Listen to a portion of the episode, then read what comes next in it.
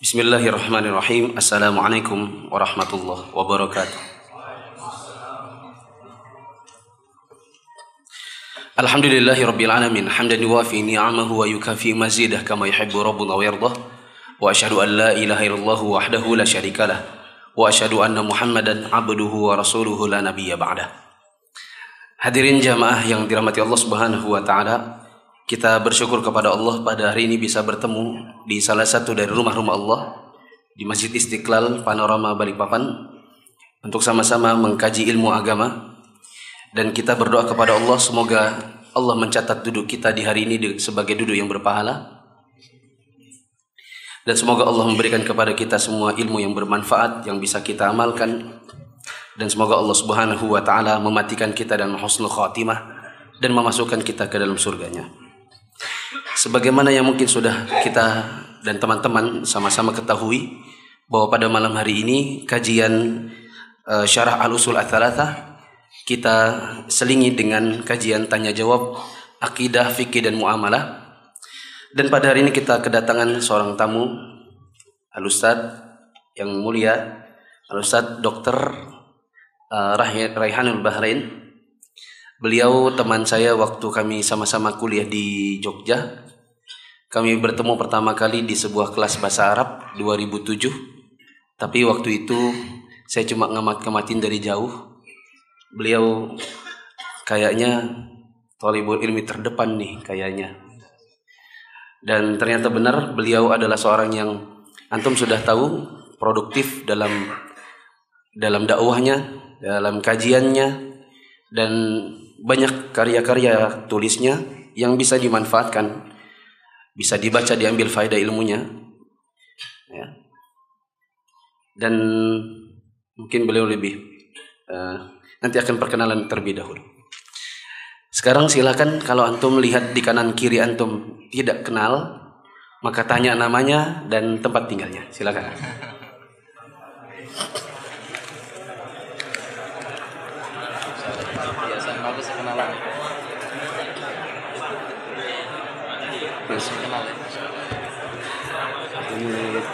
Iya, mulai mulai. Pertanyaan anak ini aja Ustaz. Anak pertanyaan yang pikir-pikir kesehatan Ustaz ya kita pilih-pilih ya. Dan itu perkenalan. Dulu Hah? perkenalan. Dulu oh perkenalan lo ya. Ya sudah. Cukup cukup. Sudah.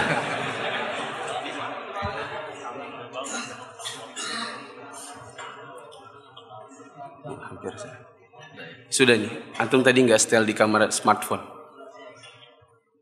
geser deh Ustadz Rehan bisa ya. perkenalan dan langsung menjawab 10 pertanyaan. Ya Allah.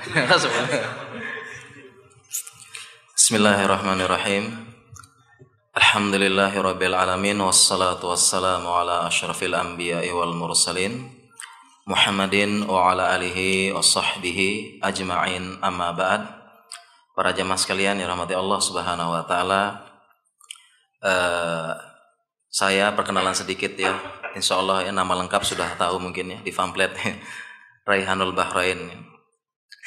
Saya di Jogja bersama Ustadz Muflih bertemu di sana dan kita belajar dan alhamdulillah memang di lingkungan suasana di lingkungan Jogja sangat mendukung bagi kita untuk belajar ilmu agama walaupun kita berstatus sebagai mahasiswa ataupun sebagai pekerja di sana kita belajar bahasa Arab, kemudian mempelajari berbagai macam ilmu-ilmu usul, usul fikih, usul tafsir, qawaidul fikih, dan berbagai macam eh, kitab-kitab uh, dasar yang membantu kita untuk mendalami agama lebih dalam.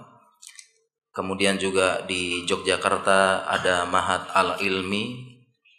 Dan alhamdulillah saya juga menamatkan belajar agama di sana di Mahat Al Ilmi jadi sambil kuliah sambil masuk belajar di Mahat Al Ilmi programnya belajar dua tahun. Jadi kita dahulu sambil kuliah kemudian ba'da subuh ataupun ba'da asar atau ba'da malam uh, ba'da maghribnya kita belajar. Belajar dan di Jogja juga kita uh, mulai membangun uh, apa kita juga sedikit aktif dalam membantu dakwah di sana dalam berbagai dalam kegiatan dakwah. Mungkin sudah ada yang pernah mendengar Yayasan Pendidikan Islam Al-Athari atau pernah mendengar situs Muslim or ID ya itu dari teman-teman kita di Jogja dan semua penggeraknya adalah mahasiswa. Jadi alhamdulillah merupakan suatu kenikmatan yang sangat banyak di suatu kota banyak kajian-kajian kemudian banyak eh, sarana-sarana untuk menuntut ilmu sehingga apa pun pekerjaan kita apa pun kesibukan kita, kita bisa menuntut ilmu yang merupakan suatu kenikmatan dalam beragama. Alhamdulillah tadi Ustadz Muflih mengatakan kita pernah belajar bahasa Arab bersama dan dulu saya ingat kita belajar mulakhos satu kelas dengan Ustadz Muflih dan yang mendapatkan nilai tertinggi adalah Ustadz Muflih. Ya, yang mendapatkan nilai tertinggi dalam ujian tersebut. Ya. Tidak bisa ngelak ini. Iya, jadi demikian ya perkenalannya. Jadi mungkin kita perlu menjelaskan sisilah belajar kita ya harus dijelaskan. Uh, mungkin kalau ada ingin yang lebih mengenal guru-guru saya di Yogyakarta, pertama Ustadz Abu Sa'ad rahimahullah. Beliau yang banyak membimbing kita baik dalam ilmu maupun dalam dakwah, dalam mengatur dakwah, manajemen dakwah dan teladan dalam ilmu dan amal dan juga dalam ketawaduan dan akhlak. Kemudian juga guru-guru kita di Jogja Ustadz Afifi, kemudian juga Ustadz Aris Munandar, Ustadz Abu Isa, Ustadz Zaid Susanto, itu adalah e, guru-guru kita ketika kita belajar di Jogja dan alhamdulillah beliau dengan sabar membimbing kita ya mengajarkan kita dari hal-hal yang dasar dan belajar agama memang harus demikian bahasanya taksilul ilm belajar agama dari dasar. Jadi apabila kita ingin menuntut agama dengan baik menikmati proses belajar dan akan terasa nikmat ilmu yang masuk kita belajar dari dasar. Dari taksilul ilmi dari dasar kemudian kita belajar dengan rutin apa pun kesibukan kita, apa pun kegiatan kita dan posisi serta jabatan kita, semuanya bisa belajar agama dengan pemahaman yang baik, dengan rahmat dan taufik dari Allah Subhanahu wa taala. Mungkin itu sekilas eh, perkenalan ya. Jadi saya memang harus menjelaskan dari mana saya mengambil ilmu, siapa guru-guru saya dan di, de, eh, kapan serta di mana saya menuntut ilmu Memang demikianlah dalam belajar agama inna hadzal dina ilmun fa'khudhu amma fanzuru amma ta'khudhu dinakum. Sesungguhnya agama ini adalah ilmu, maka perhatikanlah dari mana kalian mengambil ilmu. Jadi harus jelas ya, dari siapa mengambil ilmu dan prinsipnya kita menerima kebenaran dari siapa saja tetapi memilih guru harus dipilih-pilih mengambil sumber ilmu. Mungkin demikian perkenalan dari saya pribadi. Dan tadi Ustadz Mufli uh, menjelaskan ini adalah tanya jawab. Ya, saya sudah uh, jelaskan ke beliau bahwasanya tanya jawab yang utama ke Ustadz Mufli. Jadi saya hanya pelengkap. Jadi nanti pertanyaan ke saya hanya pertanyaan seperti tentang kesehatan kolesterol, asam urat, itu pak gitu. Ya pertanyaan ke saya gitu ya. Jadi selebihnya nanti ke Ustadz Muflih ya. Mungkin demikian Ustadz ya Insya Allah ya. Mulai jawab. Mulai jawab ya Masya Allah. Saya cari-cari pertanyaan yang nggak serem-serem gitu. Ya. Pertanyaan-pertanyaan yang apa namanya? Saya terkait tentang ini aja ya kesehatan atau fikih kesehatan ya. Karena ya memang itulah istilahnya bagian saya yang saya cukup uh, mendalami Insya Allah ya. Ya, ini mungkin ya ada tulisan ya. Ya, mohon nasihat Ustadz untuk penuntut ilmu yang juga bekerja menjadi mahasiswa dalam mengatur waktu dan menjaga kesehatan. Ya, mungkin ini yang bisa kita sharing ya, bagaimana kita bekerja, kemudian kita jadi mahasiswa dan mengatur waktu dan juga menjaga kesehatan di sini ya. Jadi memang e, intinya ini manajemen waktu ya. Kalau manajemen waktu itu banyak triks dan tipsnya dan saya pun menulis satu buku ya, manajemen membagi waktu ya. Dan tapi dari para ikhwah sekalian, para jamaah, kunci dari itu semua bisa manajemen waktu, kuncinya adalah kita harus menimbulkan rasa cinta dahulu dengan apa yang kita tujukan tersebut. Apabila kita sudah cinta, maka kita akan meluangkan waktu dengan yang kita cintai. Pasti kita akan bisa membagi waktu. Jadi kunci dari manajemen waktu, membagi waktu harus ada rasa cinta. Senang, hobi, kemudian merasakan ketenangan, kenyamanan, kebahagiaan ketika melakukan yang dicintai tersebut pasti kita akan bisa membagi waktu. Karenanya apabila mahasiswa yang bertanya saya sering contohkan ada tidak mahasiswa yang kuliah lulus tapi game dotanya juga lulus gitu ya. Ada tidak mahasiswa selesai kuliahnya tapi daurah film Koreanya lulus juga selesai juga. Ada tidak? Ada ya. Jadi kuliah selesai, ini juga selesai. Ini selesai. Kenapa kira kenapa dia bisa membagi waktu? karena dia cinta dengan eh, hal tersebut. Kuncinya adalah itu. Ya, seseorang kalau dia cinta, pasti dia akan luangkan waktu dan dia akan mengerahkan segala upaya memutar otak untuk mendapatkan yang dicintainya tersebut.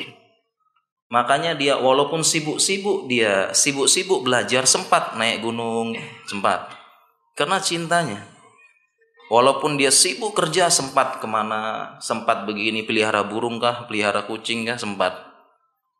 Dia sempatkan karena cinta dan suka. Demikian juga ketika kita sudah merasakan manisnya iman, lezatnya ilmu, dan bahagianya mengamalkan perintah Allah, kita akan kejar kajian tersebut di mana pun. Kita akan di mana-mana kita baca, sedang mengantri, sedang menunggu, membaca, menghafal, E, mempelajari bahasa Arab, menghafal wazan bahasa Arab dan sebagainya. Kalau sudah cinta pasti ada waktu untuk yang dicintai. Entah bagaimana itu. Oleh karena itu Allah berfirman, "In kuntum tuhibbunallaha fattabi'uni." Apabila kalian cinta kepada Allah, ikuti aku. Jadi bukti cinta tersebut dia pasti akan mengikuti apa yang dia cintai.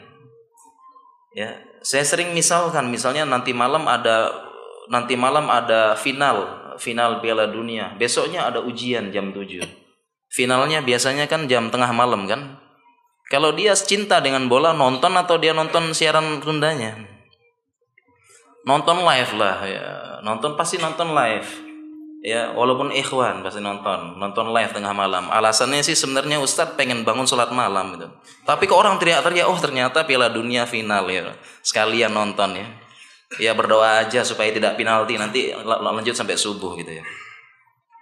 Akhirnya gimana? Dia bisa bagi waktu bagaimana malamnya ya. dia bagi waktu dia putar otak bagaimana bisa nonton besok ujian. Dia putar otak bagaimana paginya dia belajar dia cicil sebelum sebelumnya cuma sistem kebut semalam gitu ya. Ya. Jadi demikian para ikhwan sekalian ya. Jadi kuncinya adalah e, membagi waktu apa? Kunci manajemen membagi waktu timbulkan rasa cinta dahulu. Kalau sudah kita cinta, pasti kita cari, kita sisihkan. Dan masih banyak beberapa kiat-kiat yang lain itu yang paling utama. Ya, insya Allah mungkin demikian ya para jamaah sekalian. Mungkin gantian Ustaz Ustaz. Ini sambil nyari-nyari, saya nyari-nyari ya.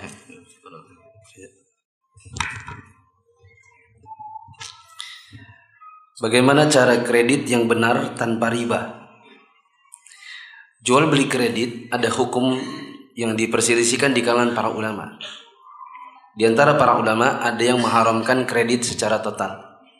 Alasannya itu adalah jual beli dengan dua harga. Tapi yang benar kredit itu boleh dengan syarat tidak boleh ada denda keterlambatan dan total yang dibayarkan nanti sampai akhir harus sama dengan yang disepakati di awal. Wallahu. Ya para jamaah sekalian ada pertanyaannya apa ciri-ciri wanita seseorang istri yang perlu dirukyah? Ya gitu insya Allah ya. Ya, jadi pernah ada penjelasan gitu ya. Kalau mau mau kalau mau sembuh rukyah gitu ya. Kalau mau sembuh istri di rukyah biar sembuh bacakan ayat fankihu ma lakum minan nisa masna wasula sawaruba langsung sembuh dia istrinya. Kan karena semua ayat Al-Qur'an adalah ayat rukyah, semua ayat Al-Quran. Bacakan itu langsung sembuh katanya gitu ya. Iya, apa ciri-cirinya seorang istri yang perlu dirukyah? Para iwan sekalian, uh, saya jelaskan dengan ringkas saja. Intinya uh, masalah rukyah itu kita tidak boleh ekstrim kanan atau ekstrim kiri. Tidak boleh terlalu ekstrim. Dalam pelajaran tauhid kita, kita diajarkan namanya sebab kodari dan sebab syar'i. Jadi ada sebab kodari yang sebab akibat dunia. Yang kedua sebab syar'i, sebab yang syariat mengatakan sebab. Walaupun dia bukan sebab kodari. Ini pelajaran tauhid ya. Sehingga ketika ada orang ya di rukiah, misalnya ada orang stres, orang apa sering mimpi buruk, sering merasa terganggu, sulit tidur dan sebagainya, maka kita cari dua sebab ini. Kita cari dua sebabnya ini. Jangan ekstrim. Ada yang ekstrim kanan, melihat ada orang stres, melihat ada orang uh, apa namanya pusing, orang apa, tiba semua langsung dikatakan ini sebabnya jin perlu dirukiah. Akhirnya semua dirukiah. Mobil dirukiah, rumah dirukiah, langit dirukiah, tempat TPS dirukiah. Semua rukiah kasihan jinnya disalahkan terus ya. Ya, jadi tidak semua kita cari sebab syar'i. Apa sebab kodarinya? Contoh ya, contoh ini rumah kotor, rumah apa, rumah bau begini, rumah berisik. Ini perlu dirukiah bukan? Bukan dirukiah, dibersihkan rumah tersebut. Ya, jadi jangan jangan dikit-dikit langsung rukiah, dikit-dikit rukiah. Makanya ada orang, ada kisahnya, ada kisah dirukiah terus, stres. Rukiah, rukiah terus. Ternyata tidak sembuh-sembuh. Kenapa? Ternyata orangnya banyak hutang. Jadi walaupun di rukiah bagaimanapun hutangnya masalahnya belum beres tidak akan sembuh. Karena dalam pelajaran tauhid ada namanya sebab kodari. Di, di, di, di apa disembuhkan dulu sebab kodarinya. Disembuhkan dulu. Jadi ini jangan ekstrim kanan. Kemudian jangan ekstrim kiri juga tidak percaya dengan jin. Tidak percaya ah tidak ada jin tersebut, tidak ada. Ini juga ada yang seperti itu ya beberapa teman-teman dokter yang agamanya kurang atau dia bukan Islam tidak percaya, tidak percaya ada gangguan. Intinya kita dua-duanya kita cari sebabnya dan pengobatannya adalah dua-duanya. Dua-duanya sambil rukiah, sambil cari sebab kodarinya. Kenapa dia stres? Kenapa dia pusing? Dua-duanya diobati. Ini pendapat Utsaimin, aro ayajmal insanu baina hadza wa hadza. Ibnu Utsaimin mengatakan, saya berpendapat manusia dikombinasikan pengobatannya ini dan ini. Jadi intinya pengobatannya dikombinasikan dan rukiah terbaik adalah rukiah mandiri. Demikian insyaallah. Terima Apakah memulai puasa sunnah Senin Kamis harus dimulai dari Senin dan tidak boleh dari Kamis? Jawabannya boleh dari Kamis. Ya. Kok singkat banget ya? Ustaz Muflih kok singkat-singkat tak sempat pilih pertanyaan nih soalnya. Ya, bagaimana hukumnya jika seseorang yang sudah kenal sunnah tapi masih sering posting foto gambar makhluk bernyawa di sosmed ketika dinasehati eh, belum bahwa tidak boleh tapi dia tidak mau. Malah tetap diupload album sosmednya apakah dia berdosa atau itu menjadi dosa jariah? Iya. Jadi memang kalau masalah gambar ulama ikhtilaf ya masalah gambar masalah foto apakah termasuk taswir yang diharamkan apa tidak?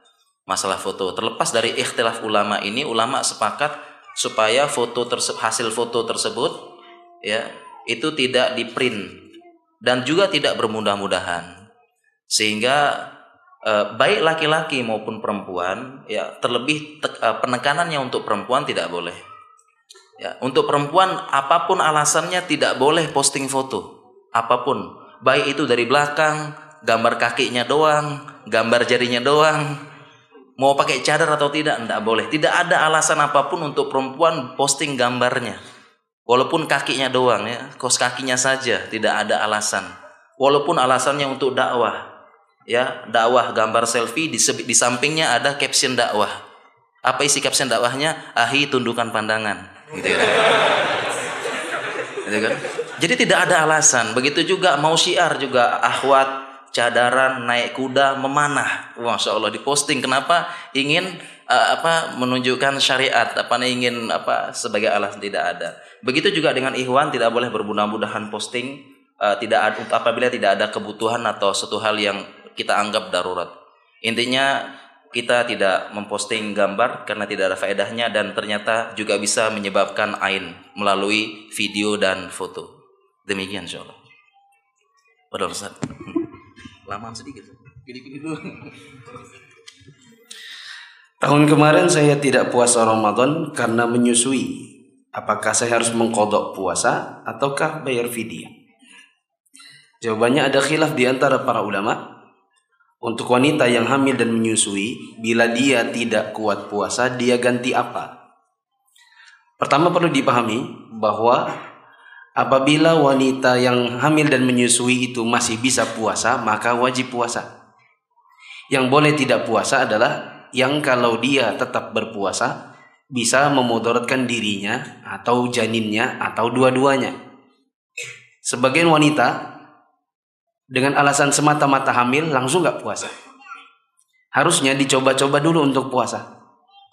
Nanti kalau seandainya hari pertama, hari kedua badan terasa lemah atau bahkan muntah-muntah atau pingsan, maka itu menunjukkan dia tidak kuat puasa. Begitu juga manakala dia berpuasa, air susunya tidak keluar. Anak bayinya kasihan tidak punya makanan, maka itu berarti menyusui dan tidak kuat puasa. Tapi sebagian wanita hamil kuat puasa, nyusu puasa keluar air susunya. Maka tidak boleh bermudah-mudahan dalam hal ini. Harus dicoba dulu. Atau dengan berkonsultasi pada dokter, nanti dokternya akan memberi petunjuk kepadanya. Alhamdulillah lagi kalau ternyata dokternya ustadz. Nah.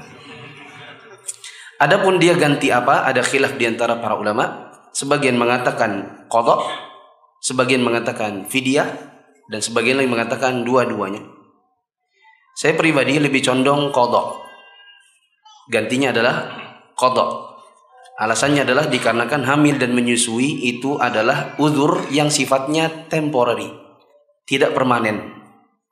Kalau tidak permanen, sebagaimana orang sakit yang sakitnya masih bisa sembuh, maka dia gantinya adalah kodok dan bukan fidyah.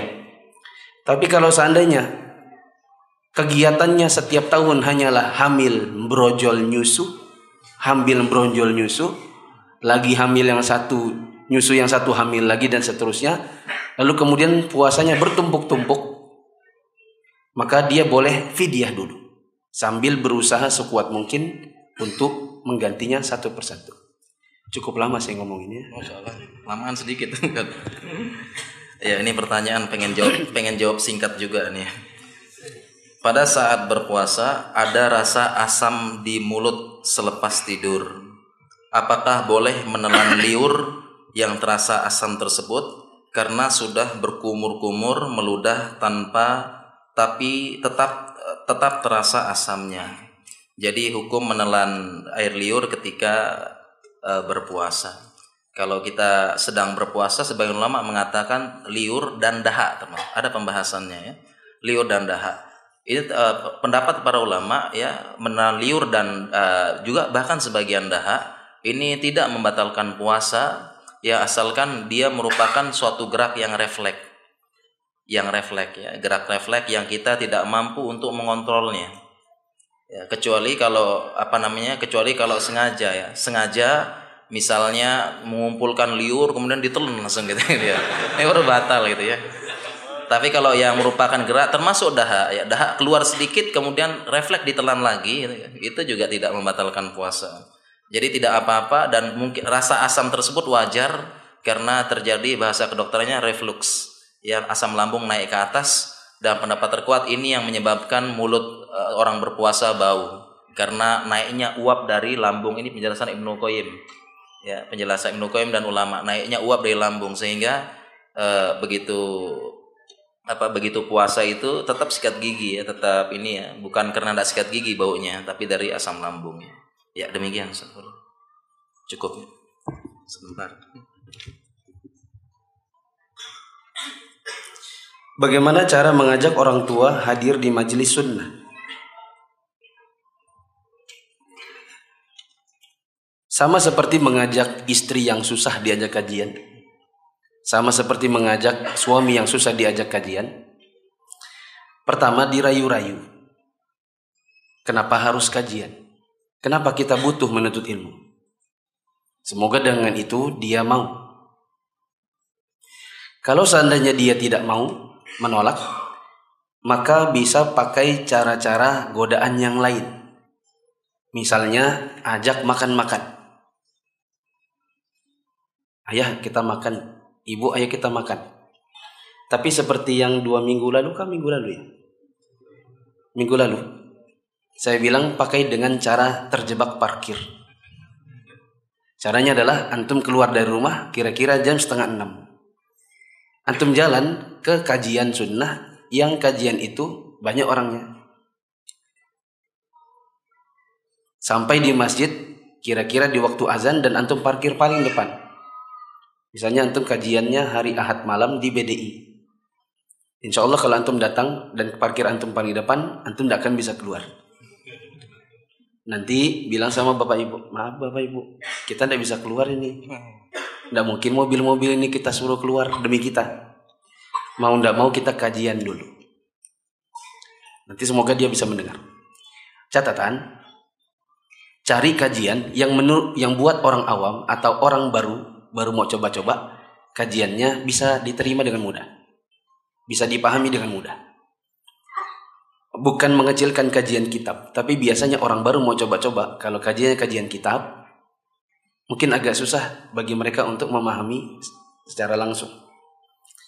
Kalau kajian-kajian misalnya seperti ini, ada ini loh, ada ustadz dari Lombok, dokter, bapak ibu bisa tanya asam urat tadi apa ya? Siapa tahu dia mau ikut? Nanti dari situ semoga dia bisa tertarik. Itu kunci pertamanya adalah cari yang materinya, materi yang mudah dipahami oleh orang awam yang baru mau coba-coba. Semoga dia tidak kapok. Yang khawatir itu kalau pertama datang langsung kapok. Ya. Di antara yang bikin kapok itu dia tidak paham. Di antara yang bikin yang kapok adalah tidak ada yang tegur dia sama sekali. Makanya tadi saya suruh apa? Pas pertama salam-salam dulu. Supaya siapa tahu ada yang baru pertama coba-coba dan ada yang salamin, ada yang senyumin besok-besok, insya Allah bisa datang lagi. Ya, ada pertanyaan, apa hukum berobat dengan dokter laki-laki bila pasiennya perempuan? Karena istri saya butuh terapi saraf kejepit dan hanya ada dokter terapinya laki-laki saja. Ya, hukum asalnya berobat itu laki-laki ke laki-laki, perempuan ke perempuan. Apa hukumnya e, berobat ke dokter laki-laki ke perempuan hukum asalnya haram karena melihat aurat, menyentuh dan sebagainya, berkhulwat dan sebagainya. Jadi hukum asalnya ini haram. Kapan bisanya ketika darurat? Ya, ad-daruratu tubihul mahdurat. Yang darurat membolehkan yang terlarang dan ingat yang namanya darurat adalah satu-satunya jalan Kemudian lanjutan kaidah ini ad-daruratu tuqaddaru biqadariha. Darurat itu diambil sesuai kadarnya saja. Jadi sebutuhnya saja. Bukan aji mumpung jadinya ya. Jadi sebutuhnya saja. Sehingga e, memang dalam ilmu kedokteran ya kita ada punya kompetensi namanya. Dokter umum ada kompetensinya, dokter spesialis ada kompetensinya, di atas dokter spesialis ada dokter subspesialis. Dokter subspesialis di mana dokter spesialis tidak bisa menangani. bukan kompetensinya. Dan memang tidak boleh eh, apa namanya sehingga kalau sedang berobat bisa jadi dokter spesialis tidak bisa menangani. Dia harus merujuk ke dokter yang lebih ahli lagi. Dokter subspesialis tidak boleh nekat dia mengobati karena melanggar kode etik kedokteran dan secara agama juga melanggar. Man tatabbaba falam yu'lam minhu tibbun qabla dzalika fahuwa dhamin. Barang siapa yang melakukan praktek kedokteran dan dia tidak pernah belajar sebelumnya, bukan kompetensinya fahuwa dhamin, dia aku akan bertanggung jawab dan berdosa. Jadi dalam kasus ini memang benar ada dokter cuma dokter laki-laki saja. Maka satu-satunya di kota itu dan dia tidak bisa ke kota lain jauh makan memakan dana tidak efektif untuk kontrol seminggu sekali. Misalnya bolak-balik dana habis maka boleh. Boleh darurat. Satu-satunya cara dia boleh berobat di dokter tersebut. Dan sebenarnya dalam pemeriksaan kita bisa minimalkan. Ya tidak kita bisa minimalkan. Saya beberapa penyakit tertentu saya tidak pegang. Cukup lihat saja dan sebagainya. Kadang-kadang kalau pakai stetoskop tidak usah buka baju. Beli stetoskop yang agak mahal sedikit tembus kok. Dua baju tembus suaranya. Atau punya perawat perempuan suruh periksa nanti lapor saya diagnosis dan terapi. Jadi boleh insya Allah. Ya jadi boleh karena ini darurat. Tapi ingat jangan bermudah-mudahan hukum asalnya haram. Ya dan boleh kena darurat. Ya Allah taala alam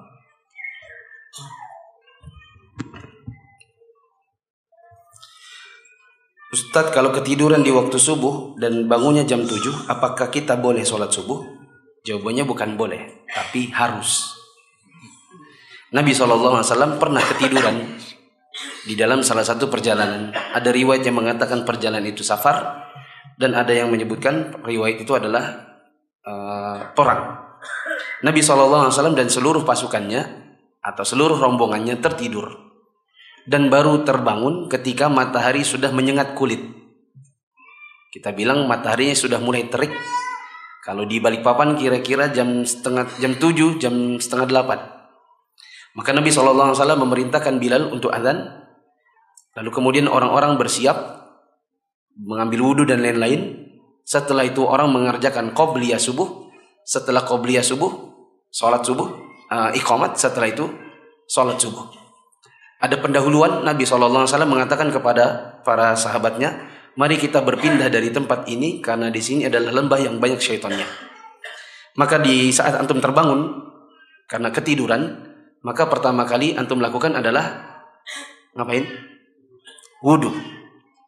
Kemudian berpindah tempat dan jangan sholat di tempat di mana antum ketiduran. Yang kedua, azan dulu, tapi tidak usah pakai mic. Yang ketiga adalah qobliyah subuh. Dan qobliyah subuh masih bisa dikerjakan karena sudah lewat waktu subuh. Setelah qobliyah, ikomat, setelah ikomat, sholat subuh. Bukan boleh, tapi harus. Iya, Ustadz, anak saya ingin kuliah di Jogja dan ingin belajar di Mahat Al-Ilmi. Boleh berikan saran? Iya, sarannya tidak harus di Jogja untuk belajar ya.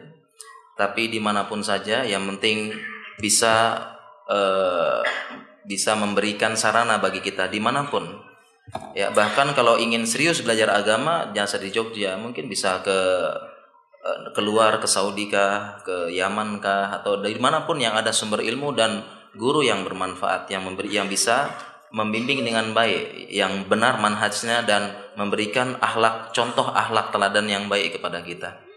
Ya, jadi tidak mesti ya, tidak mesti ke Jogja dan harapannya juga memang kalau di berbagai kota ada seperti Mahat Ilmi kita sangat senang.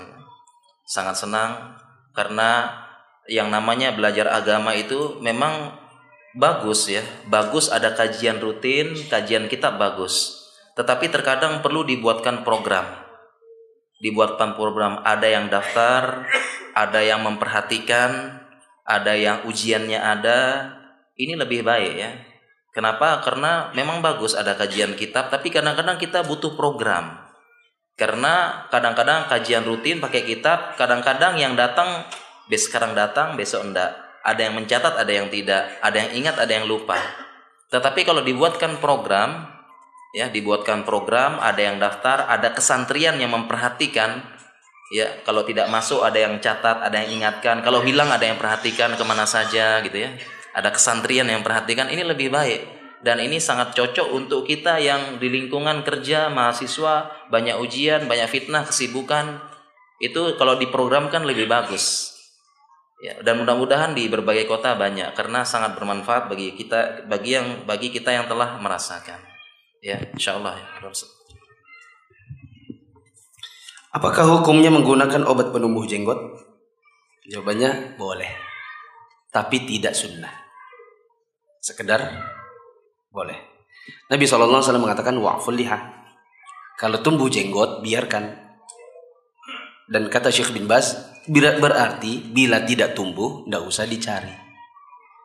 Jadi menumbuhkan dengan penumbuh itu sekedar boleh-boleh saja dan bukan sunnah. Ya, eh, terkait tentang imunisasi terhadap anak saya masih ragu karena beberapa asatid yang mengatakan masih syubhat. Kandungan vaksin halal, mohon pencerahan ya. Ringkasnya para jamaah tentang vaksin ini kita butuh pertemuan yang panjang ya, menjelaskan dengan eh, dengan ilmiah. Saya butuh proyektor, saya jelaskan data-datanya ilmiah ya dan untuk mengcounter juga berita-berita atau hoax yang tidak benar. Ringkasnya vaksin ini mubah dan bermanfaat.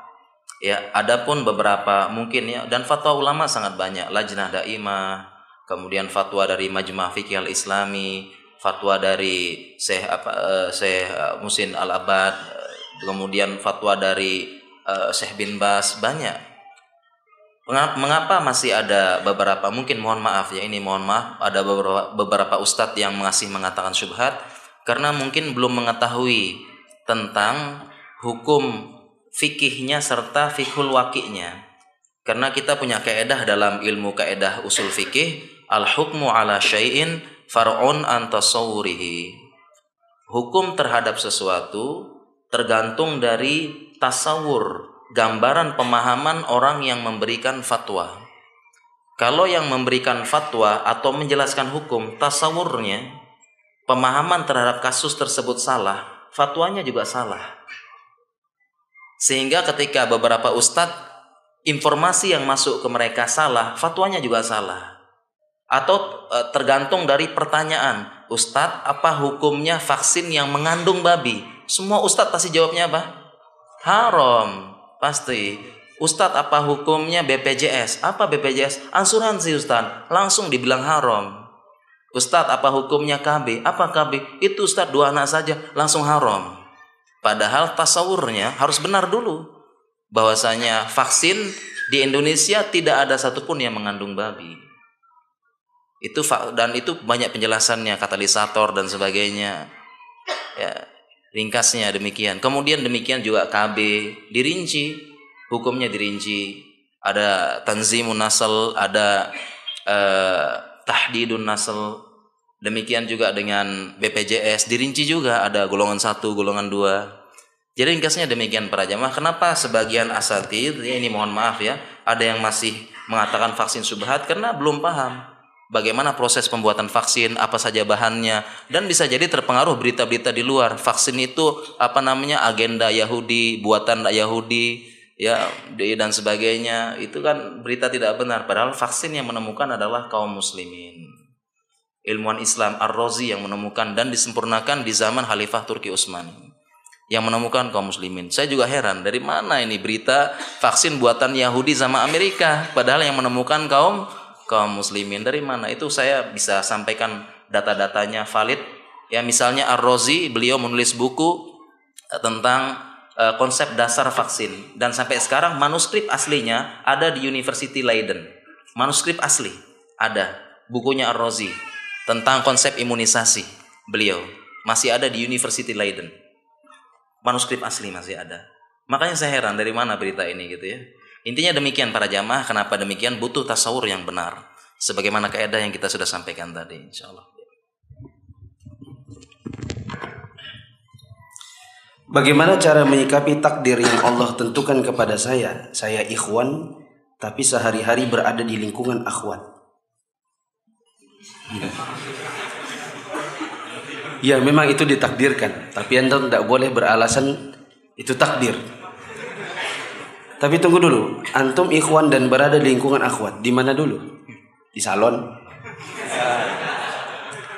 Kalau di salon, keluar memang. Ngapain antum di situ? Nanti antum jadi endang lagi. Kalau itu di sekolah, sekolah apa? Haruskah ada laki-laki? Misalnya itu sekolah TK gurunya semua akhwat. Antum jadi security. Dan tidak bisa securitynya perempuan. Kalau ada masuk penculik, nanti yang ada itu security perempuan cuma bisa bilang tolong, tolong. Butuh security laki-laki untuk memarkirkan, untuk mengatur perputaran kendaraan yang mengantarkan anak. Butuhnya laki-laki. Maka di saat seperti itu antum juga ketika lewat guru-guru harus tundukkan pandangan. Kalau antum dokter, eh ada dokter. Ya. Di sekitarnya perawat-perawat. Dia di rumah sakit. Dan keberadaan dia itu sangat dibutuhkan. Tidak hanya oleh kaum muslimin tapi seluruh manusia. Karena dia punya spesialisasi di bidang itu.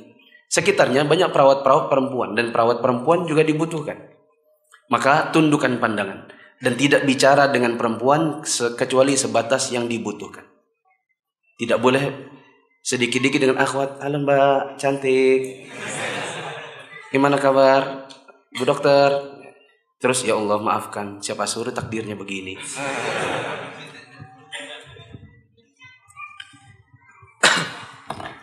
Ya, Ustadz istri Ana menyuruh Ana menikah lagi. Dan belum selesai pertanyaannya. Dikarenakan kesehatan istri saya tidak memungkinkan untuk mempunyai anak, apa yang harus saya dilakukan?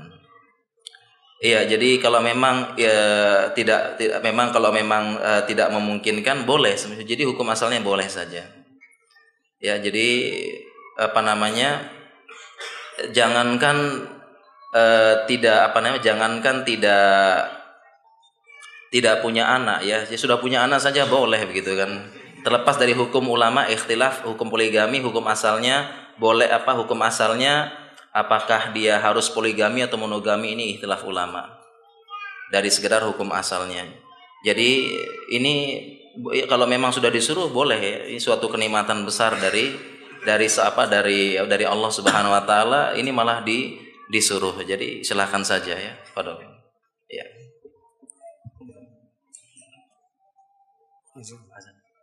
Azan kah?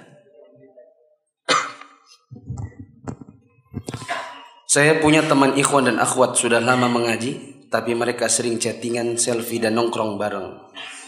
Mantap. tapi di sisi lain mereka sering menasihati saya yang baik-baik tentang manhaj salaf.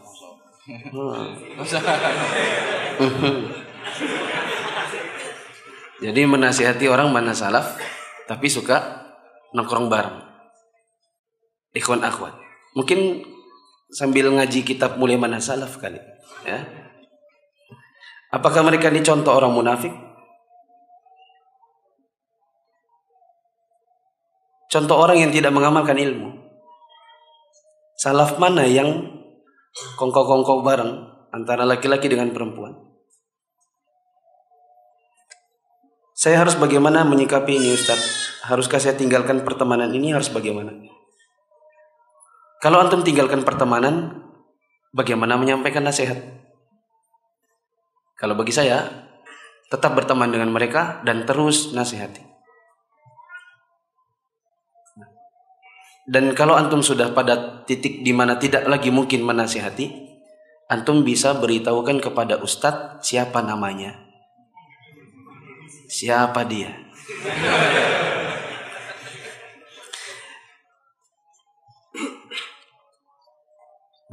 Nanti kalau kita tahu siapa namanya, siapa tahu kita bisa nasihati suatu hari. Baik secara langsung maupun disindir di kajian. Nabi SAW ada kalanya menasihati orang dengan sindiran dan orangnya ada. Misalnya Nabi SAW pernah menyindir Ibnu, Ibnu Latabiyah atau Lutaibah yang diutus oleh Nabi untuk mengumpulkan zakat. Dia kumpulkan zakat-zakat manusia, kemudian dia datang kepada Nabi lalu mengatakan, ini untuk anda dan ini untukku. Ini bagian anda dan ini bagianku. Maksudnya ini zakatnya dan dia tadi diberikan hadiah oleh orang-orang yang dia kumpulkan zakatnya. Maka Nabi SAW naik ke atas mimbar lalu berkata, mengapa ada orang kami utus untuk mengumpulkan zakat, kembali kepada kami lalu mengatakan ini bagian anda dan ini bagianku. Coba dilihat, kalau seandainya dia duduk di rumah bapak ibunya saja, tidak kami jadikan sebagai petugas zakat, apakah dia dapatkan bagiannya dia itu? Maksudnya ini sindiran, harusnya dia tidak boleh mengambil karena dia sudah mendapatkan bagian dari zakat. Nabi SAW pernah menyindir uh, tuannya budak Barirah yang dia mengatakan kami jual engkau kepada Aisyah tapi walakmu tetap buat kami. Maka Nabi SAW sindir keluarga tuan bari, tuannya Barirah, budak Barirah. Jadi dan ini adalah dalil yang boleh kan. Seandainya antum memang memiliki mengetahui ada pelanggaran yang dilakukan secara berkelompok oleh sebagian dari teman-teman antum, antum sudah nasihati tidak bisa, maka antum bisa beritahukan namanya untuk diberikan pelajaran baik secara langsung maupun disindir di kajian. Semoga ikhwan dan akhwat itu hadir di sini dan mendengarkan jawaban ini. Nah, semoga dihadir dan hati-hati kalau saya tahu siapa nih. Jika sudah ikut kajian sunnah dan mengetahui bahwa hukum rokok itu haram berdasarkan hadis dan firman Allah, apa yang harus saya lakukan karena saya berdagang sembako dan juga ada rokok. Apakah hasil dagangan saya tetap halal atau haram? Jika haram, terus bagaimana dengan rokoknya? Apakah disedekahkan atau dibuang semua? Ya, insya Allah ya, rokok ya karena membahayakan ini haram jelas kan la dororo wala diroro wala tulku biaidikum ila tahlukah banyak dalilnya dan dalam rokok sendiri rokok membunuhmu rokok apa menyebabkan impotensi dan para jamaah benar ini saya cerita sedikit ya memang rokok menyebabkan impoten dan menyebabkan lemah syahwat jadi siapa bilang iklannya jantan iklannya gitu kan keren maco mantan copet dan sebagainya jadi itu iklannya itu berkebalikan dengan faktanya. Ya, jadi bikin mandul dan bikin lemah syahwat rokok itu. Di faktanya ya banyak ada pasien datang ke saya cerita langsung, saya sudah impoten. Kenapa? Saya perokok berat, tidak mampu. Jadi iklannya itu benar-benar mohon maaf ya menipu ya. Katanya bikin jantan keren tidak benar. Jelas ini kalau berbahaya jelas kan haram hukumnya. Nah, kemudian apakah hukum berjualan? Berarti hukum berjualannya haram karena yang zatnya yang haram. Sama berarti seperti menjual barang-barang haram lainnya. Jadi tetap haram. Tidak boleh dijual. Kemudian apakah disedekahkan atau dibuang, dimusnahkan gitu semuanya. Jangan disedekahkan, nanti dipakai lagi gitu ya. Apalagi bahas sedekahkan dapat pahala, enggak dimusnahkan semua. Rokok tersebut di dimusnahkan. Allah taala alam.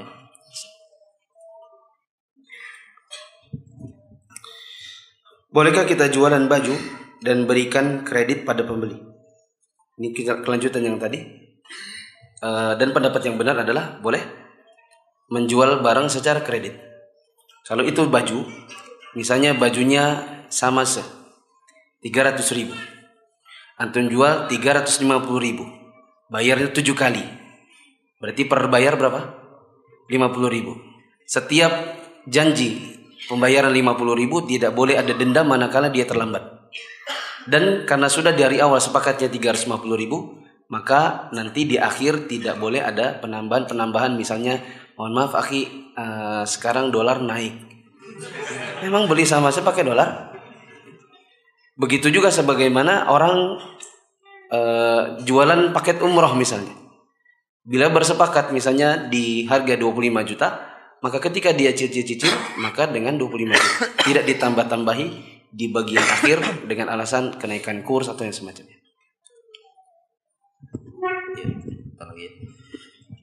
Ada pertanyaan, saya tidak ingat berapa puasa wajib yang saya tinggalkan saat balik hingga sekarang. Tapi saya tahu, saya yang saya tahu, saya sering tidak puasa saat belum kenal sunnah. Apakah saya wajib mengganti puasa yang lalu? bagaimana cara menghitung puasa yang wajib dan digantikan? Bolehkah saya menggantikan dengan Senin Kamis tanpa niat menggabungkan puasa sunnah? Ada ikhtilaf ulama apabila seseorang sengaja tidak berpuasa di bulan Ramadan, sengaja meninggalkan tanpa udur, apakah dia kodok atau tidak? Ada ikhtilaf ulama dan saya memegang dia tidak mengkodok. Dia tidak mengkodok kalau dia sengaja meninggalkan tanpa udur. Ya, dengan dua alasan. Pertama, kalau kodok dia butuh dalil. Kemudian yang kedua, itulah hukuman bagi dia. Hukuman bagi dia tidak merasakan ibadah dan sebagainya. Ini pendapat yang saya, pendapat saya ambil dari pendapat saya Ali Hasan Al Arabi dalam sifat saum, saum Nabi. Dan ini termasuk ikhtilaf, ikhtilaf yang mu'tabar. Jadi kalau ada yang pengen kodok boleh. Dan solusinya adalah ketika dia tadi tidak dikodok, ya dia meninggalkan tanpa udur, ya jawabannya adalah saya pilih pendapat yang tidak tidak dia mengkodok ya dan solusinya adalah katanya beliau apa penjelasan dari ulama solusinya adalah dia memperbanyak puasa sunnah memperbanyak puasa sunnah untuk membalas bahasanya dalam tanda kutip ya wa bi sayyatal atau tamhuha iringi kebaikan dengan keburukan akan menghapusnya jadi dia e, memperbanyak puasa sunnah ya untuk sebagai bayar dari dahulu sering Bapak sering melalaikan puasa wajib. Demikian juga dulu sering melalaikan puasa eh, sholat wajib, sekarang banyak sholat sunnah. Memang itu salah satu fungsi dari amalan-amalan sunnah. Ya demikian. Bentar. Jika ada orang awam sudah satu tahun lalu dia melamar kerja dengan cara menyogok. Kemudian dia sekarang sudah ikut kajian sunnah dan sudah tahu hal haram, tapi dia kerja di tempat yang satu tahun lalu dia dapatkan dengan cara menyogok. Apakah pekerjaan yang sekarang tetap haram untuknya?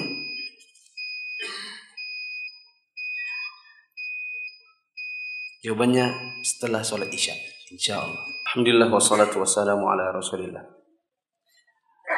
Uh, saya pernah baca di salah satu fatwa para ulama bahwa orang yang mendapatkan pekerjaan dengan cara menyogok lalu kemudian dia bertaubat, maka dia tidak wajib keluar dari pekerjaannya tersebut. Selama ranah pekerjaannya memang halal.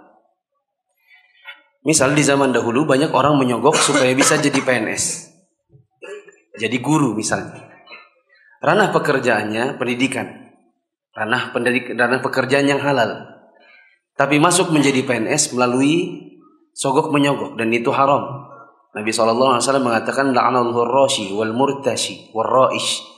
Allah melaknat yang nyuap, yang disuap dan yang menjadi perantara di antara keduanya. Tetapi apabila memang sudah bertaubat, maka dia tidak perlu keluar dari pekerjaannya tersebut dan gajinya halal insya Allah. Umur ini, umur saya saat ini 33 tahun dalam tiga bulan ini siklus haid saya panjang sampai 22 hari baru bersih. Masya Allah ini lampu merahnya lama banget ya. Kalau punya suami sabar banget ini. 22 hari. Dalam tiga bulan ini sudah dua kali saya mengalami jedanya bersih. Ciri fisik darahnya sama seperti darah haid. Apakah termasuk istihadah? Ya, Memang ini ada rincian secara ada ada rinciannya, tapi para uh, akhwat dan ummahat secara umum ya yang uh, ulama ikhtilaf berapa lama panjang haid yang normal. Ulama ikhtilaf. Ya, ada minimalnya berapa, maksimalnya berapa. Dari berbagai mazhab. Ya. Ada yang mengatakan minimal sehari semalam, maksimal 10 hari Mazhab Syafi'i maksimal 15 hari, minimal sehari 3 hari. Jadi para ulama menetapkan berapa batas minimal dan maksimal haid. Artinya kalau kita tetapkan maksimalnya 15 hari, berarti hari ke-16 itu sudah bukan haid lagi. Berarti darah gangguan, istihadah dan sebagainya. Tetapi para jamaah sekalian, pendapat terkuat adalah pendapat yang disampaikan oleh Syekhul Islam Ibnu Taimiyah bahwasanya tidak ada batasan minimal haid dan tidak ada batasan maksimal haid. Dan ini diperkuat oleh ilmu kedokteran. Dalam ilmu kedokteran, haid itu bisa memendek, haid itu bisa memanjang. siklusnya bisa memendek, siklusnya bisa memanjang. Ya, ada poliminore, oligominore itu istilah dalam ilmu kedokteran. Jadi, ilmu kedokteran memperkuat. Ingat, ilmu sains bukan dalil beragama. Dia hanya memperkuat dalil yang telah sabit. Dan diperkuat dengan ilmu kedokteran bahwasanya memang fakta di lapangan haid seseorang bisa memanjang seperti ini. 22 hari. Siklusnya juga bisa memanjang. Ya, dia siklusnya tiga bulan sekali dapat haid. Ada yang siklusnya sebulan dua kali haidnya. Siklusnya memendek. Ini ada fakta di lapangan. Sehingga pendapat terkuat yang kita pilih eh, apa pendapat terkuat adalah pendapat Syekhul Islam Ibnu Taimiyah tidak ada batasan minimal, batasan panjang haid. Bagaimana? Patokannya adalah darah tersebut.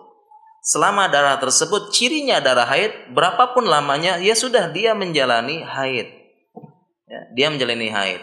Ya ini ilmu penting juga bagi para ayah dan para suami biar tahu kapan merdeka kapan tidak. Jadi harus tahu ya. Jadi penjelasannya demikian. Kemudian ya sudah sudah cukup cukup cukup ya. Dah sudah.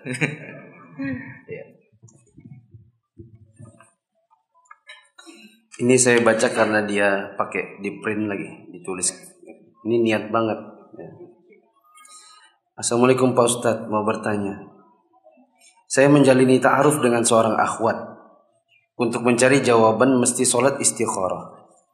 Tapi akhwatnya setelah sholat istikharah, jawabannya justru tidak yakin. Akhwatnya yang tidak yakin sama dia. Sedangkan saya setelah sholat istikharah, saya semakin yakin dengan dia. Antum yang mana? Ini saya kasih hadiah. Antum mana? Mana orangnya?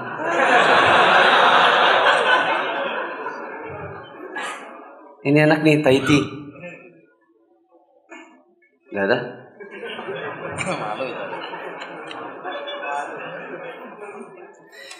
Kasihan. Akhwatnya tidak yakin, dia yakin. Dia saya semakin yakin. Akhwatnya bilang, saya semakin yakin untuk tidak.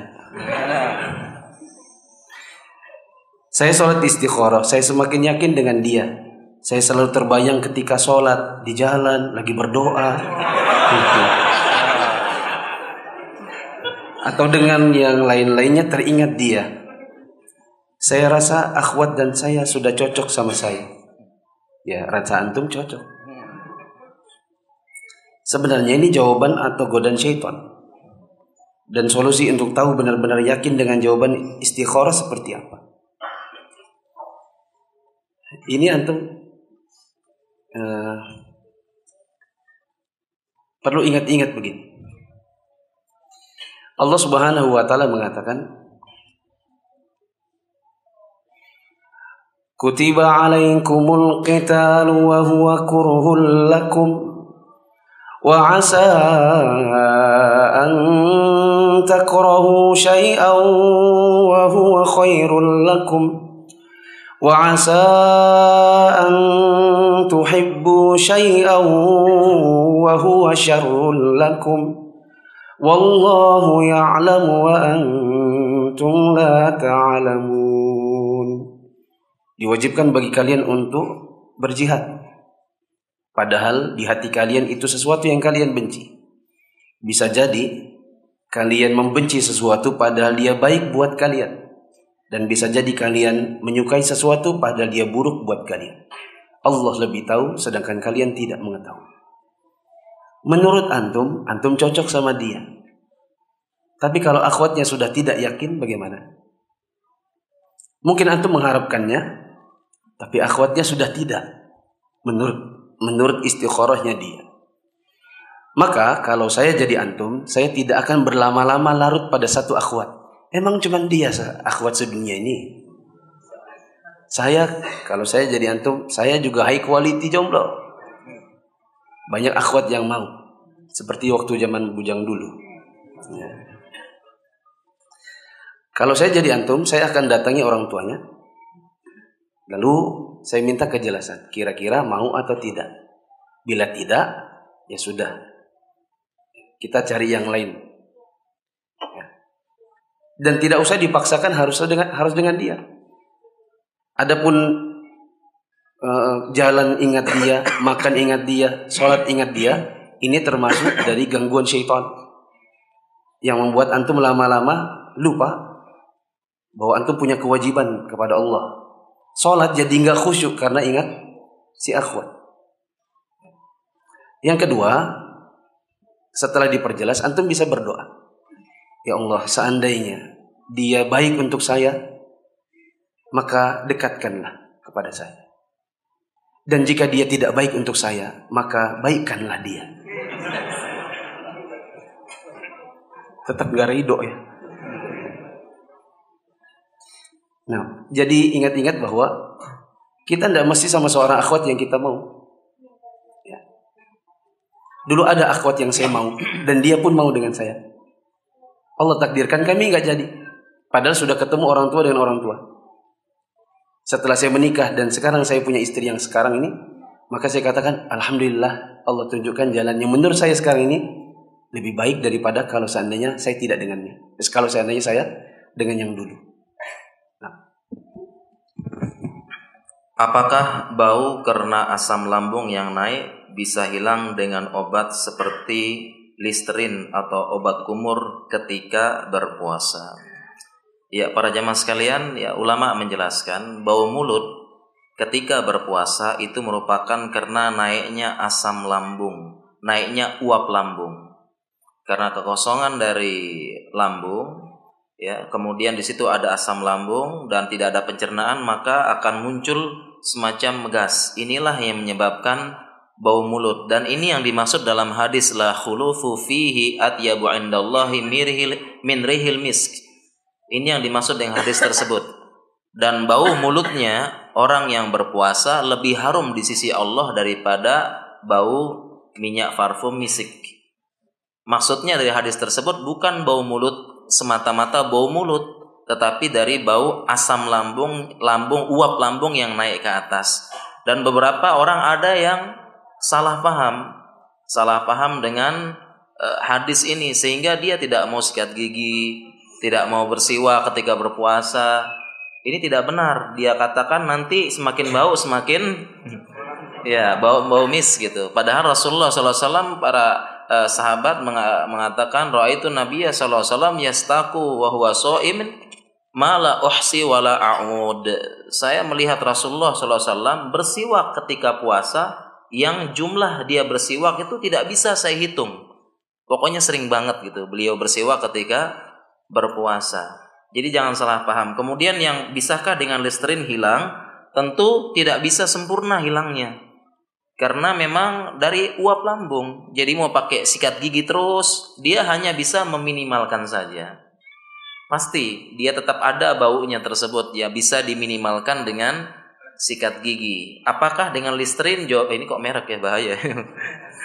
ya sejenisnya para jamaah sekalian ya berdasarkan secara kesehatan ya bahkan tidak boleh di sering-sering digunakan obat kumur. Tidak boleh setiap hari.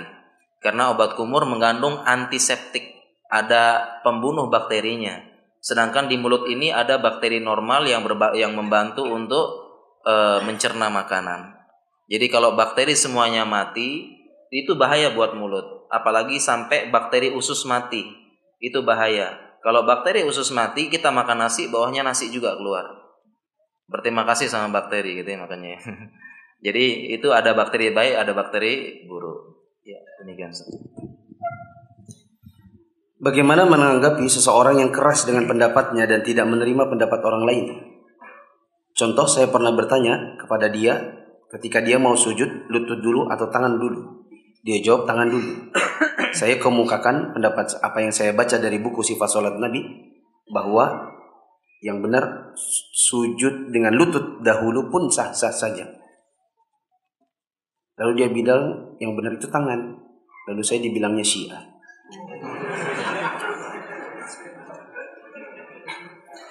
Menurut saya ini adalah ujian ketawaduan antum. Seseorang manakala menimba ilmu setiap harinya, dia akan tambah satu pundi-pundi ilmu dalam benaknya. Yang bisa jadi apa yang dia ketahui dan dia yakin itu benar, ada orang yang meremehkan pengetahuannya. Biasanya ikhwan dengan ikhwan. Dia tahu bahwa misalnya hukum seperti tadi, yang benar adalah lutut duluan, tangan duluan, boleh-boleh saja. Yang penting tidak digonta-ganti. Karena kalau digonta-ganti nanti seperti unta, menderum. Lalu kemudian ada yang mengatakan, enggak, yang benar itu begini. Dia mengatakan, enggak, sebatas yang saya tahu, dua-duanya boleh. Karena ada ikhtilaf di antara para ulama. Dalilnya adalah anu. Pendapat yang satu mengatakan begini, pendapat yang satu mengatakan begitu. Sedangkan yang satu tidak mengetahui bahwa memang ini ada khilaf lalu dia hanya mengira satu pendapat. Maka jamaah yang dirahmati Allah, ini adalah ujian. Sejauh mana antum betul-betul bisa menyerap adab tentang seorang penuntut ilmu yang tawaduk seperti apa? Orang yang kurang tawaduk maka dia akan merendahkan, maka dia akan membantah. Yang membantah, dia bilang, kamu sih nggak tahu, makanya banyak baca buku. Loh, kamu jangan meremehkan saya, saya itu juga baca. Loh, kamu jangan meremehkan ilmu saya, saya juga ngaji. Kamu aja berapa tahun? Saya ini sudah 10 tahun. Di situ, ketika ada yang meremehkan ilmunya, dia ingin berusaha untuk menunjukkan bahwa dia sudah pada level di sini, di situ. Yang terbaik menurut saya apabila ada yang demikian maka antum cukup mengatakan uh, saya hanya mengemukakan apa yang saya tahu, saya berikan referensinya. Kalau antum tidak mau terima ya tidak apa-apa. Silakan antum cari di tempat di referensi yang lain. Sudah. Tidak perlu banyak berdebat. Hanya dalam rangka membuktikan bahwa apa yang kita tahu itu yang benar. Kadang-kadang kata Imam Syafi'i, saya kalau berdebat dengan orang bodoh, saya kalah. Kenapa? Karena orang bodoh akan menjawab saya dengan hawa nafsunya. Saya kalau berdebat dengan orang berilmu sering menang. Karena ilmu dilawan dengan ilmu. Dan kebanyakan di antara para ulama mengatakan berdebat dengan orang bodoh atau jawaban yang terbaik bagi orang yang bodoh itu adalah diam. Allah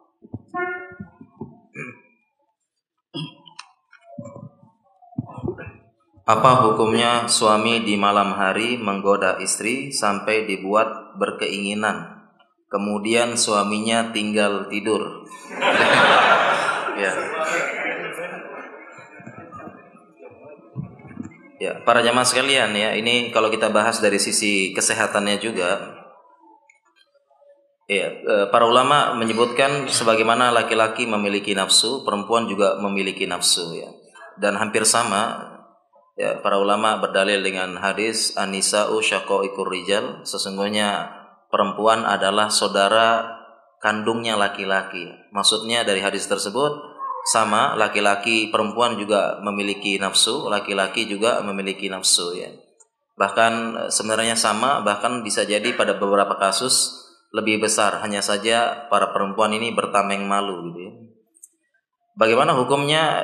Maka ini tidak boleh dan juga banyak yang bertanya. Apabila eh, laki-laki suami mengajak istri menolak, ya, maka hukumannya hukumnya adalah uh, dilaknat malaikat ya. Iza da'a rajulan ratahu ila firashihi fahabat antajia la'natul malaika hatta tusbiha.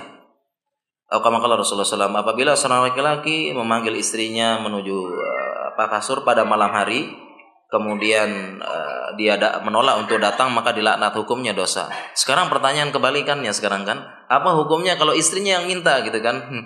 Uh, apa hukumnya uh, istrinya minta? Ini ada beberapa pendapat ulama ya hukumnya suami juga wajib karena istri juga punya apa istri juga punya hak ya punya hak juga sebagaimana laki-laki punya hak istri juga punya hak yang sama punya hak yang sama. Apa jadi ada yang mengatakan para ulama mengatakan ada pendapat eh, suami juga wajib hukumnya ketika istri meminta mengajak dia wajib juga menunaikan karena haknya sama.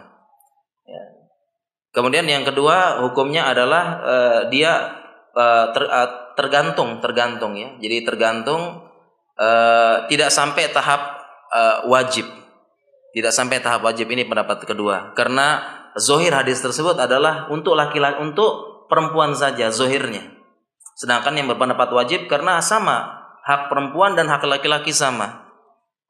Jadi ada dua pendapat. Walau alam antum pilih yang mana terserah. Ya, walau alam antum bukan terserah ya. Kita tetap cari yang roji. Tetap cari yang tetap cari yang rojih dan saya membangun pendapat Allah alam ya saya memilih pendapat ulama adalah kita juga wajib kita juga wajib apabila kita mampu karena sama ketika laki-laki dia berkeinginan dia sulit tidur sulit memikirkan perempuan juga sama kalau dia berkeinginan tidak ditunaikan dia juga bisa macam-macam nanti bisa ya, bisa memikirkan macam-macam bahaya juga kalau punya mantan dia pikirkan bahaya kan jadi saya lebih memilih ketika istri mengajak dia juga wajib selama dia mampu. Ya, wajib. Dan harus memperhatikan dan ini juga dibahas oleh para ulama juga ya. Artinya banyak ulama dan ini juga secara kesehatan dan dan ilmu psikologi banyak ya hal ini kadang-kadang diremehkan. Dan para ulama menekankan, saya banyak tuh ulama menekankan perhatikan hak istri antum dalam hal itu tersebut juga. Perhatikan hal antum jangan jangan hanya laki-laki hanya menginginkan dirinya sendiri saja, perempuan juga ingin, hanya saja mereka bertameng malu. Jadi benar-benar diperhatikan laki-laki, suami, istri, suami perhatikan. Ya, banyak itu asar-asar ulama untuk menekankan hal ini. Jadi harus di apa diperhatikan kebutuhan istri juga. Ya, wallah taala saya memilih yang uh, ketika istri minta, suami juga wajib menunaikan selama dia mampu. Wallah taala alam.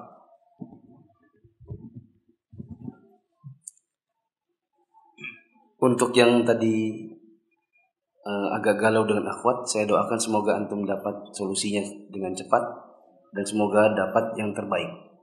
Apakah akhwat itu ataukah yang lain? Antum yang mana sih?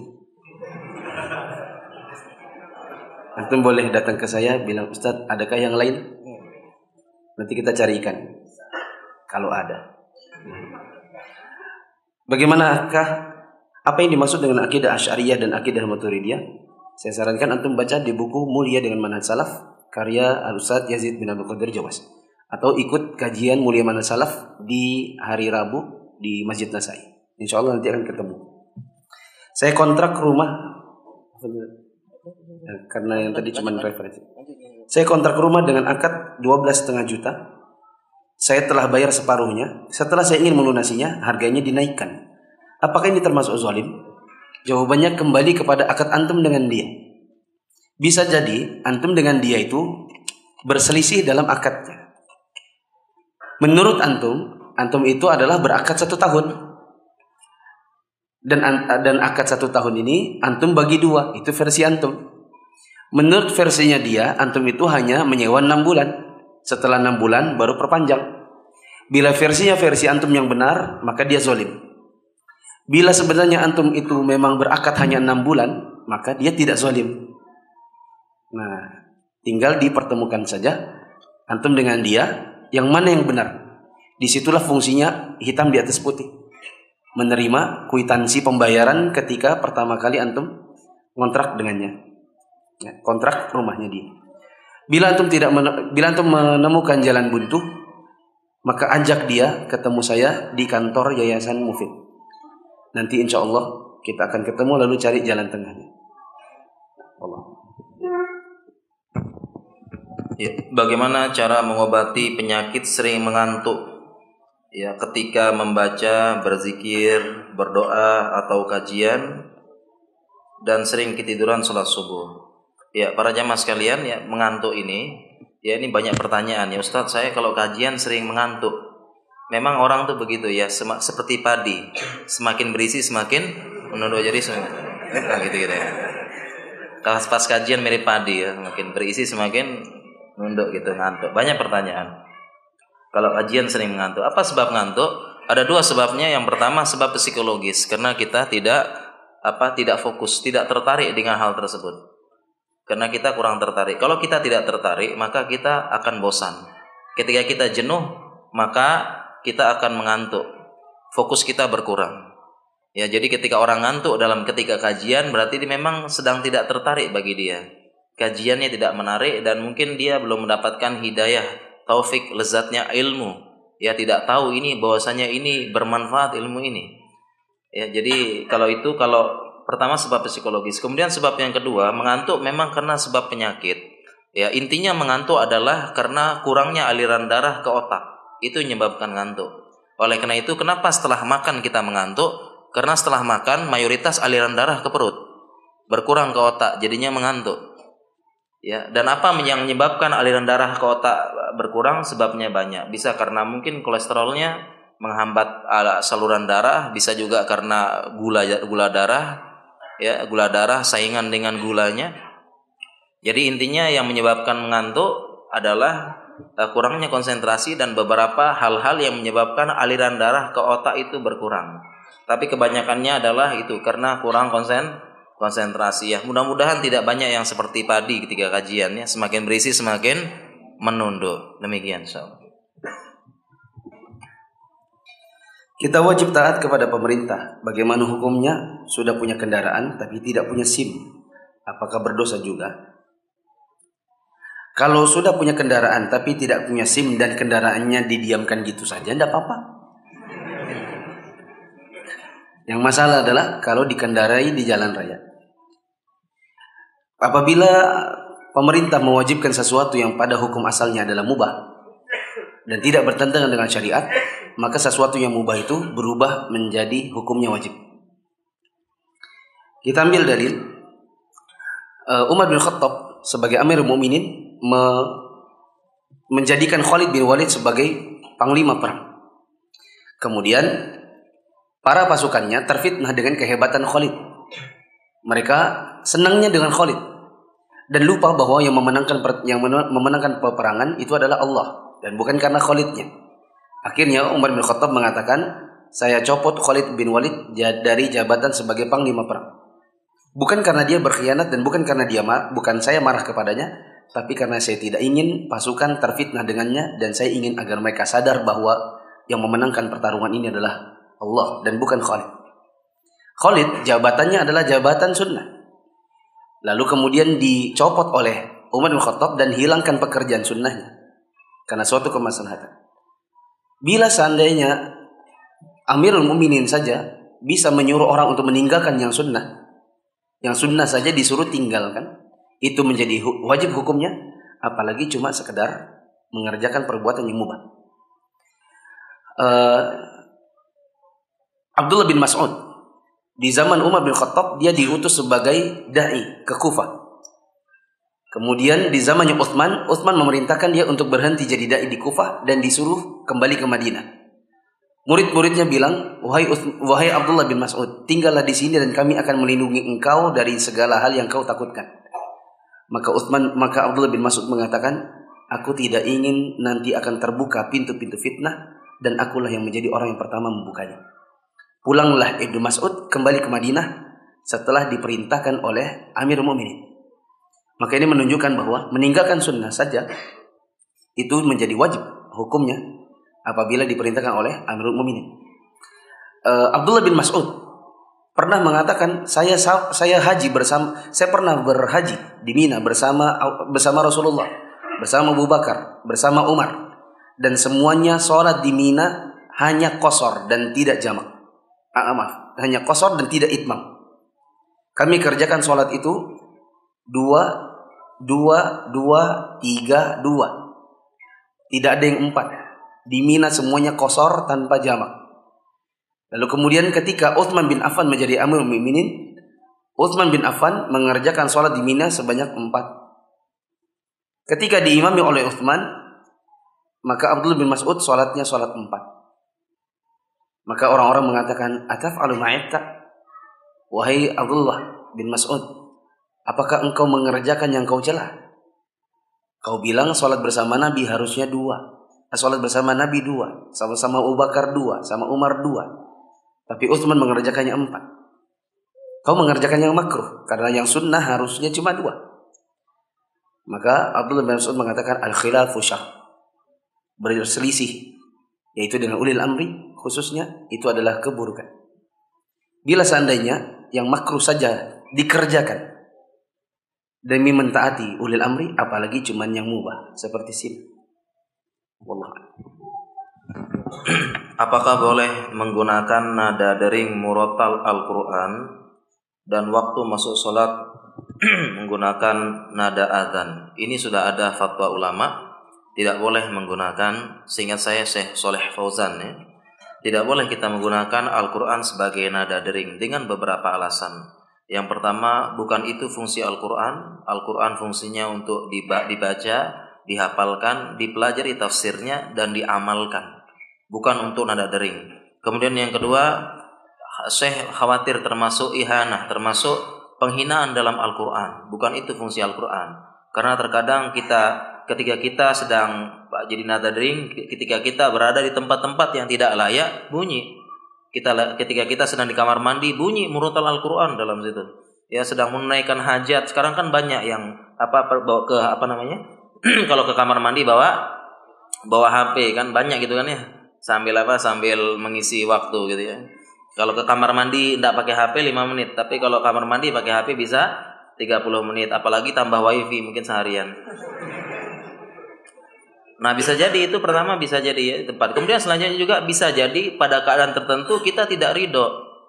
Ya ketika sedang rapat, sedang apa gitu kan tiba-tiba bunyi, bunyi murotal, tiba-tiba kita mati langsung, uh ganggu aja ini. Atau sedang ditagih hutang, ya Allah ini ini ini gitu ya. Ditagih hutang bunyinya murotal terus. Kita dengan dengan apa? Dengan nada kesel mematikan, ah ganggu aja. Jadi bukan demikian juga azan juga. Lalu apa Ustaz? Sekarang masih banyak suara apa suara-suara banyak suara burung kah suara alam kah? Sekarang kan canggih-canggih kan? Atau juga bisa kita rekam suara sendiri assalamualaikum ada telepon kan bisa gitu kan? Bisa. Jadi banyak bertanya sekarang kan musik semua banyak bisa. Atau bahkan uh, setelah saya tanya nada dering telepon biasa yang kering kering kering kering bukan musik.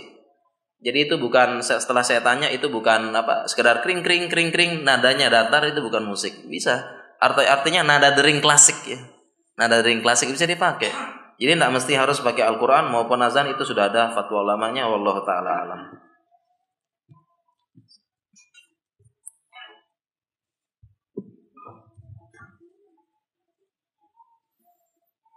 Untuk menutup aurat, apakah akhwat boleh menggunakan rok celana? Rok celana itu rok, tapi dalamnya ada celana. Pakaian akhwat yang penting tidak menerawang. Tebal kainnya. Tebal dalam artian tidak tipis dan membentuk tubuh. Tidak harus berwarna gelap, tapi apabila gelap, maka di zaman ini lebih menundukkan pandangan atau lebih menjaga si akhwat dari fitnah. Selama rok celananya masih memenuhi batasan-batasan syar'i seperti tadi, maka tidak mengapa insya Allah. Bagaimana hukumnya BPJS yang ditarik perusahaan kepada pegawai, baik itu PNS, perusahaan karena ada yang mengatakan haram? Ya, ringkasnya BPJS ini dirinci karena BPJS ada tiga kelompok. Yang pertama kelompok BPJS bagi karena BPJS adalah apa namanya eh, nasional. Oh sebelumnya perlu diketahui kita sepakat kalau asuransi konvensional yang kita ketahui ini hukumnya haram. Karena di situ ada goror sebagian juga ulama mengatakan ada perjudian di situ. Ya. Tetapi untuk BPJS memang secara konsep ya, BPJS terlihat seperti asuransi tetapi ternyata BPJS bukanlah asuransi konvensional yang murni tetapi merupakan program pemerintah. Terbukti ketika BPJS ini apa namanya uh, dia kolaps, ya, jatuh, pemerintah tang, tang, turun tangan, memberikan subsidi dan sebagainya. Sehingga BPJS bukan kon, BPJS konvensional murni, tetapi dia merupakan suatu program pemerintah. Jadi bukan konvensional murni, bukan asuransi murni. Dan kemudian yang kedua, ada tiga golongan kelompok BPJS. Yang kelompok pertama adalah BPJS bagi yang tidak mampu. Jadi ketika kita bagi yang tidak mampu ini minta surat keterangan tidak mampu atau miskin bahasanya ya, ke ini kemudian dia daftar BPJS maka dia gratis.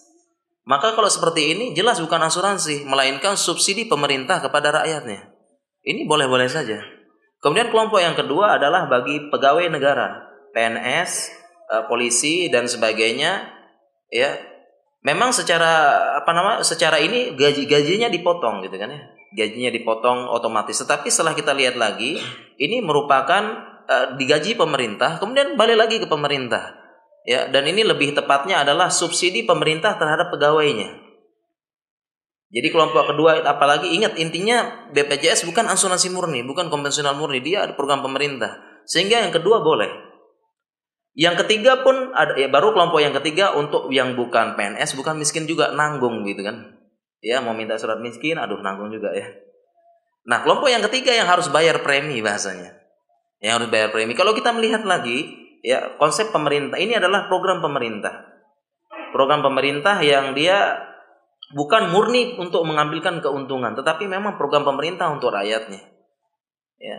Sehingga beberapa saya diskusi dengan beberapa ustadz yang paham fikih, beliau membolehkan yang pro yang ketiga. Tetapi faktanya yang ketiga ini yang jadi masalah adalah pada dendanya dendanya. Ketika terlambat bayar akan dikenakan denda. Kalau kelompok satu kan tidak bayar. Kelompok dua otomatis tidak akan dikena denda karena otomatis gajinya diambil. Nah kelompok tiga ini yang ada dendanya. Inilah yang dendanya ini riba. Kulu kordin jaronafan bahwa riba. Karena dia terlambat statusnya apa? Mengutang. Kemudian dikasih denda. Inilah naf'an tambahannya ini yang ribanya. Jadi masalahnya yang ketiga ini kelompok ketiga masalahnya adalah pada dendanya sehingga beberapa ustadz yang paham ini nomor tiga ini tidak boleh haram. Dan solusinya ya selain itu kita bisa memberikan solusi. Solusinya adalah jangan pakai denda. Solusinya adalah kalau terlambat dipotong, di stop langsung. Dia sudah tidak jadi anggota BPJS lagi.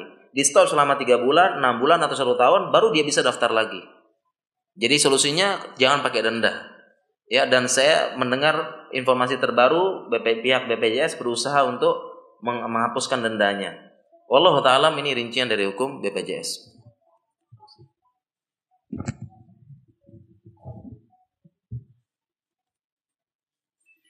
Apakah termasuk kesalahan dalam adab ketika ada orang di dalam majelis melewati jamaah caranya membungkukkan badan dengan maksud menghormati.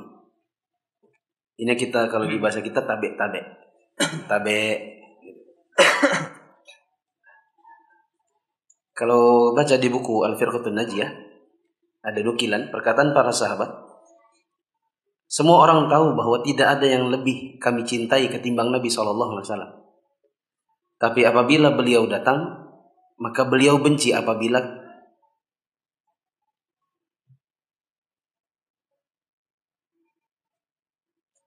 apabila beliau kami sambut dalam keadaan berdiri. Maaf, ini salah uh, salah konteks.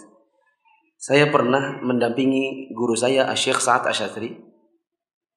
Beliau adalah anggota Hayy Akibat Ulama, pengajar di bulan Ramadan di Masjidil Haram. Ketika beliau pertama kali datang ke Indonesia dan saya temani, beberapa ikhwan kalau menyalami beliau sambil nunduk-nunduk.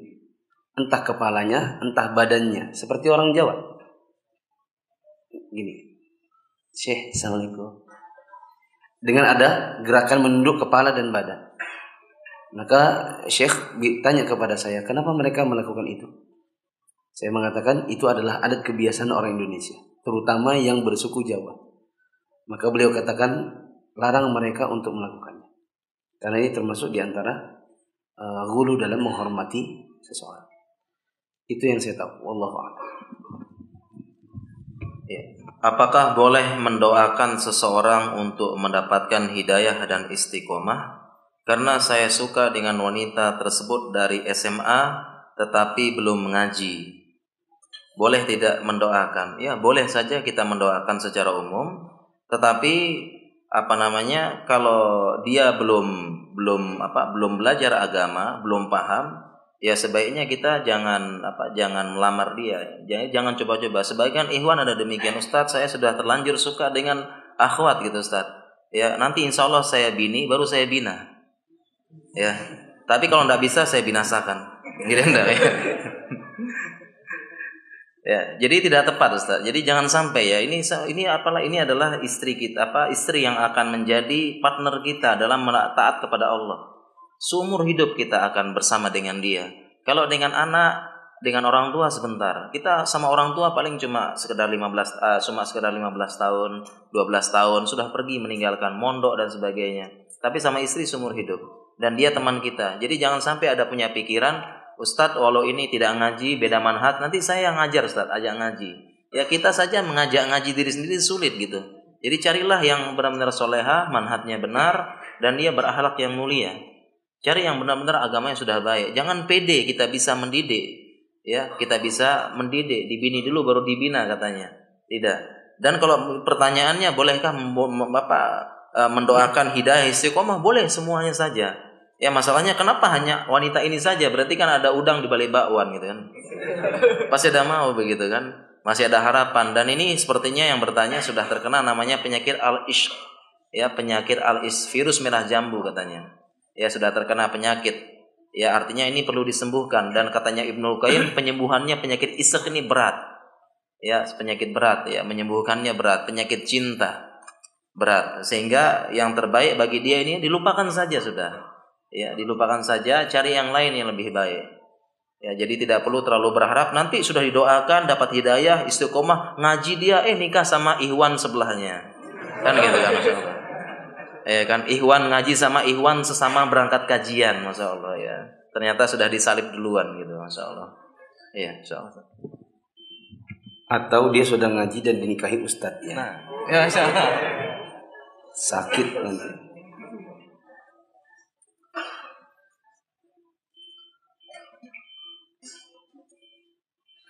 Apakah TV Roja ustadznya berpaham manhaj salaf semua?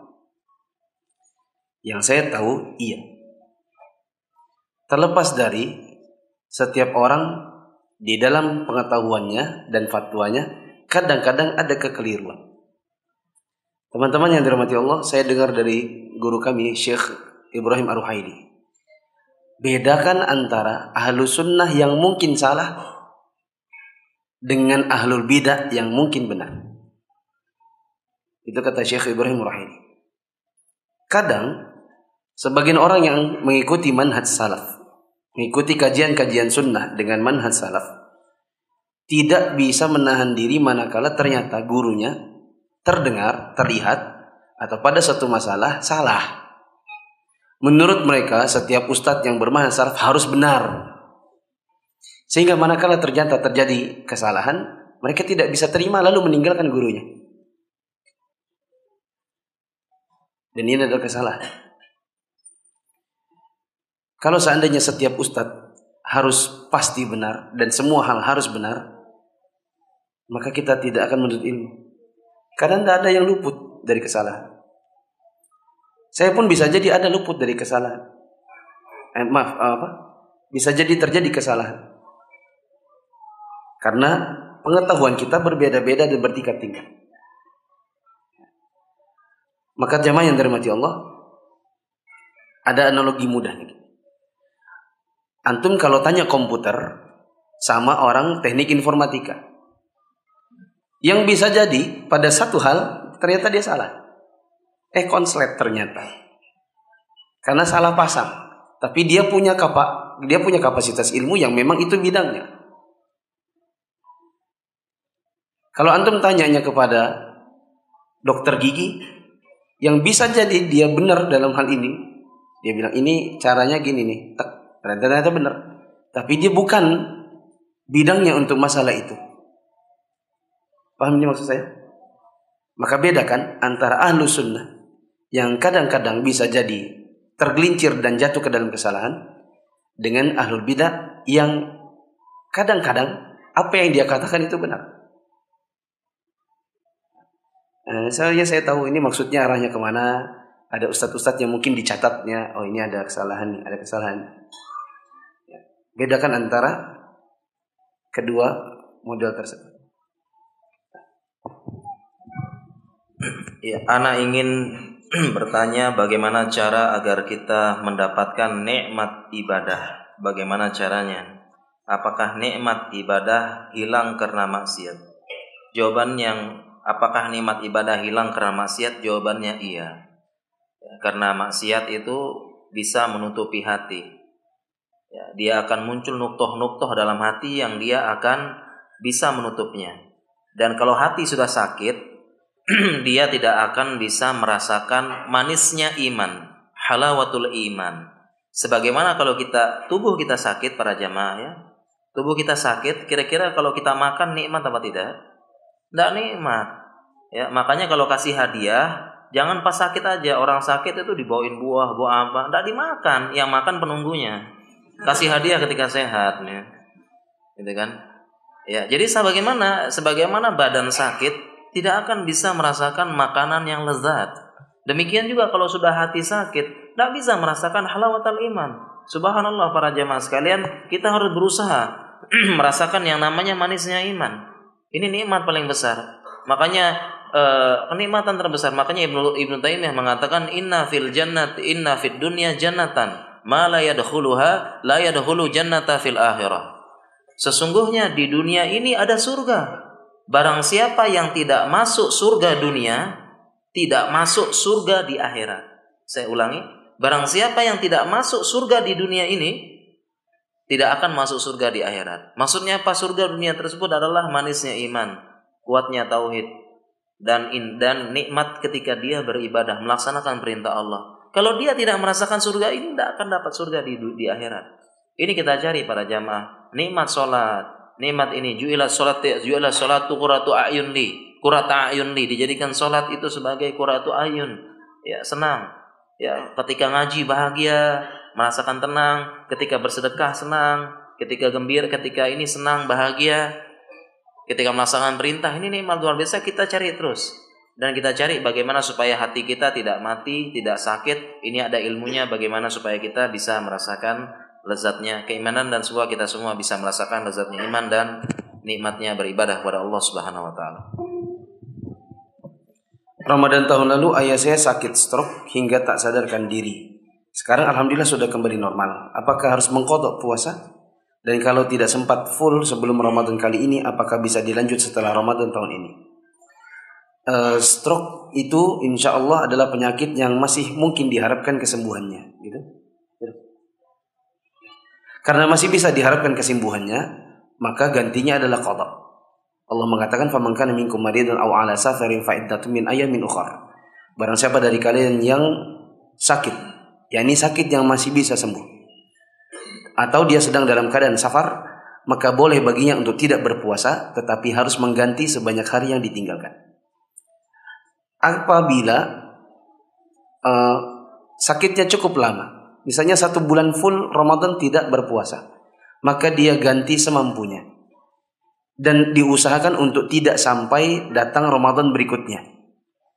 Kan Ramadan yang satu dengan Ramadan yang lain diselingi 11 bulan. Kalau kita kali rata-rata berarti 30 berarti ada 330 hari. 330 hari waktu yang cukup untuk mengganti puasa yang 30 hari itu. Tapi bila memang kadang-kadang sakit, kadang-kadang sembuh, kadang-kadang bisa ganti, kadang-kadang tidak. Dan memang bukan karena dia malas, melainkan memang karena kondisi badannya, maka orang ini, ayahnya, bisa mengganti sebanyak kemampuannya sebelum Ramadan. Nanti setelah Ramadan tahun ini dia lanjutkan kembali dan tidak boleh tidak dikerjakan. Tidak boleh tidak dikerjakan.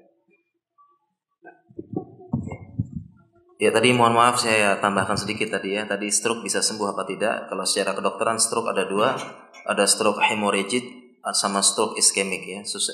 Intinya adalah ada yang stroke karena perdarahan, pembuluh darahnya pecah. Ini yang apa diagnosisnya buruk biasanya langsung lumpuh dan sangat sulit sembuh tapi ada ya karena pecah pembuluh darahnya tapi ada yang namanya stroke iskemik karena aliran darah ke otak berkurang sebentar sehingga selnya ada yang apa mungkin sekarat mati itu masih bisa ada kemungkinan jadi dirinci tadi ya untuk stroke tadi ada yang bisa sembuh dan ada yang sangat sulit diharapkan sembuh dan tadi sudah sebagaimana penjelasan dari Ustaz Muflih. Bagaimana cara mengatur pola makan sehari-hari yang sehat sesuai sunnah? Ya ini memang banyak pertanyaan ya. Bagaimana sih pola makan yang sehat sesuai sunnah dan apa yang dimakan? Ringkasnya ya ini judul kajian sebenarnya. Ringkasnya para jamaah sekalian ya. E, untuk pola makan ringkasnya jangan terlalu banyak. Jangan makan apa pun bebas ya asalkan itu tidak membahayakan dan tidak berlebihan. Makanya kulu washrobu wala tusrifu. Makan dan minumlah jangan berlebihan. Karenanya ya, ya, dari Ibnu Kasir mengatakan qad jama'allahu ilma tibba kullahu fi nisfi hadhil ayah. Allah telah mengumpulkan semua ilmu kedokteran pada sebagian ayat ini yaitu kulu washrabu wala tusrifu. Makanlah dan minum kalian jangan berlebihan.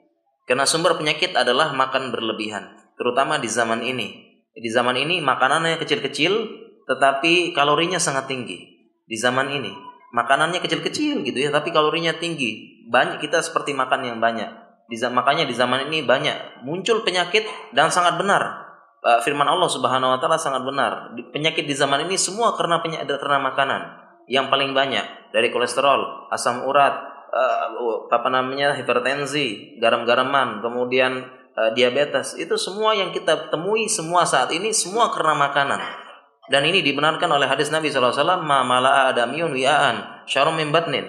Tidaklah uh, Bani Adam mengisi wadah yang paling buruk. Wadah yang paling buruk yaitu perutnya perutnya sudah dihobarkan oleh Nabi SAW uh, eh, sejak dahulu. Ya, bihas biukulatin yukim nasolbah. Cukup beberapa suap aja untuk menegakkan tulang sulbinya. Fa'inkan ala mahalata apabila uh, tidak cukup maka fasulusu li ta'ami wa thulusuhu isyarabihi fa thulusuhu li nafasihi. Sepertiga untuk makan, sepertiga minum, sepertiga untuk nafasnya di zaman ini. Jadi begitu pola makan ya. Yang penting jangan berlebihan dan perhatikan di zaman ini uh, setiap makanan dan minuman ada kandungan gizinya Perhatikan itu jangan sampai gulanya lebih.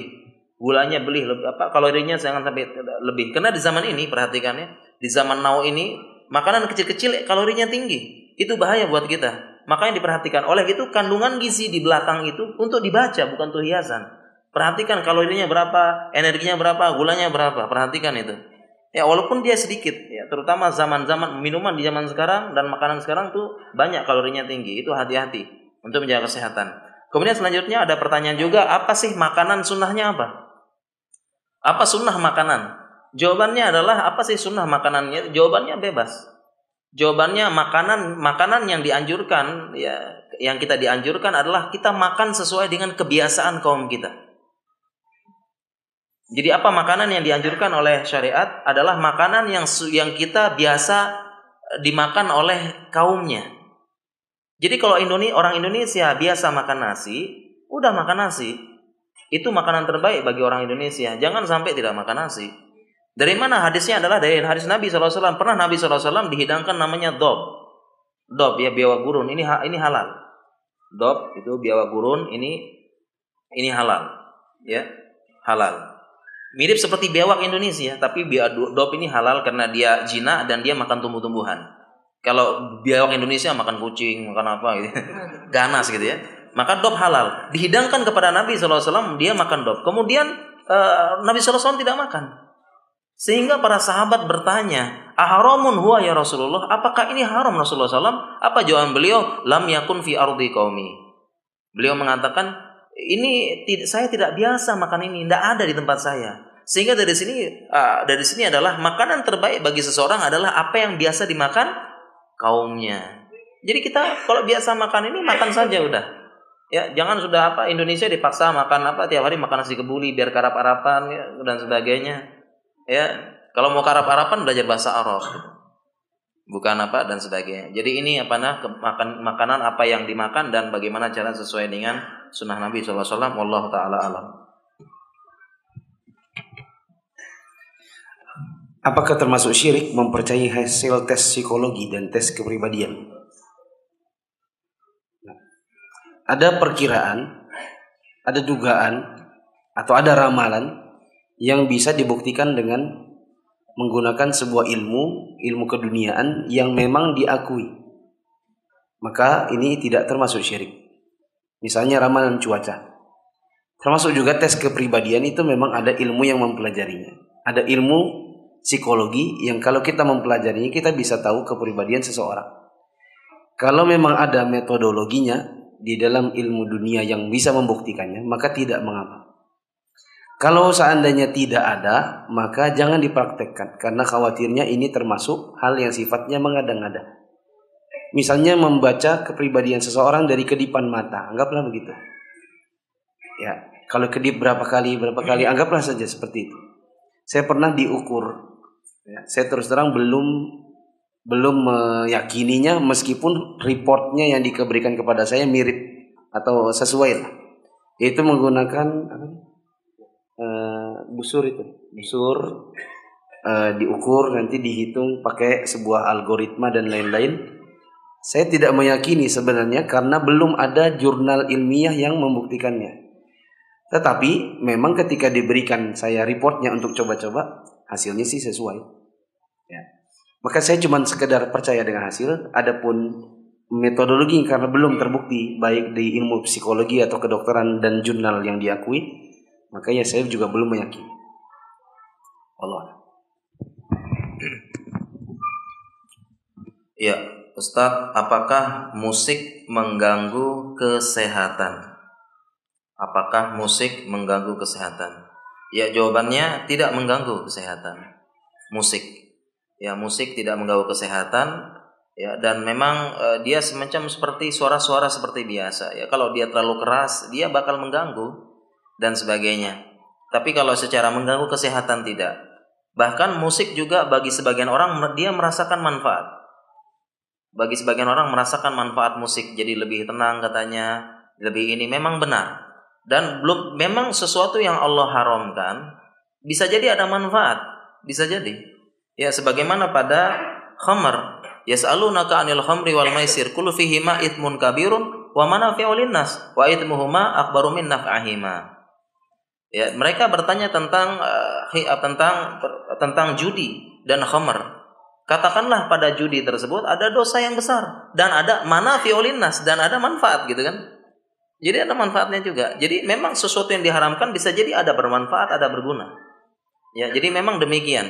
Tetapi pendapat terkuat bahwasanya musik ini adalah haram pendapat terkuat. Terlalu banyak dalilnya. La yakuna min ummati mayastahilun al-hira wal harira wal khamra ma'azif akan datang dari suatu umatku ini yang akan menghalalkan. Berarti sebelumnya haram. Apa? Pertama eh, al-hirra, apa namanya zina, al-harira sutra, khamar dan ma'azif alat musik. Ya, jelas hadisnya ini akan menghalalkan. Berarti sebelumnya haram. Dan kalau kita perhatikan rata-rata di mana-mana bergabung empat ini. Zina, ya, kemudian bergabung juga apa harir, ya sutra, perhiasan-perhiasan mewah-mewahan, minuman keras, alat musik gabung di tempat maksiat tempat ini. Gabung. Ya, dan coba tanya pada diri hati kita, apabila kita ingin uh, mendekatkan kepada Allah dengan mendengarkan musik semakin dekat apa tidak? Ya, dan dan Ibnu Qayyim menjelaskan tidak akan bertemu antara musik dengan Al-Qur'an, tidak akan bertemu. Tidak akan bertemu antara musik dan Al-Qur'an. Ya, sehingga kalau ditanya kita juga harus insaf adil ya. Jangan bilang musik itu bahaya, tidak. Memang musik bagi sebagian orang bermanfaat, tetapi belum tentu yang haram tersebut tidak ada manfaatnya, bisa jadi jadi ujian bagi manusia. Ya. Jadi demikian ya intinya jawabannya musik tidak berbahaya kesehatan tetapi dia pendapat terkuat adalah haram terlalu banyak dalilnya dan empat mazhab mengharamkan Allah taala. Apa hukumnya membaca-baca pertanyaan-pertanyaan jamaah? Misalnya pertanyaan itu datang dari belakang. Lalu kan dititip ke depan. Dari depan ke depan ke depan sampai ke meja ustadznya. Apa hukumnya jamaah yang dititipi lalu ikut membaca? Menurut saya ada unsur tidak amanah. Karena pertanyaan itu bukan buat antum, tapi buat ustadz. Ketika antum dititipi lalu antum curi baca, itu namanya tidak amanah. Kedua, bisa jadi ada mudarat suuzon. Manakala pertanyaan tersebut saya beri contoh. Saya pernah dapat pertanyaan yang sampai hari ini belum pernah saya jawab. Pertanyaan itu bunyinya begini. Saya sering berzina. Saya sudah bertaubat dan ikut kajian tapi sering berzina lagi. Jadi ikut kajian tapi masih berzina. Bisa jadi orangnya ada di sini. Saya dapat itu dengan kertas ATM. Ketika saya balik, ada namanya. ATM-nya ada namanya. Nama seseorang yang saya kenal.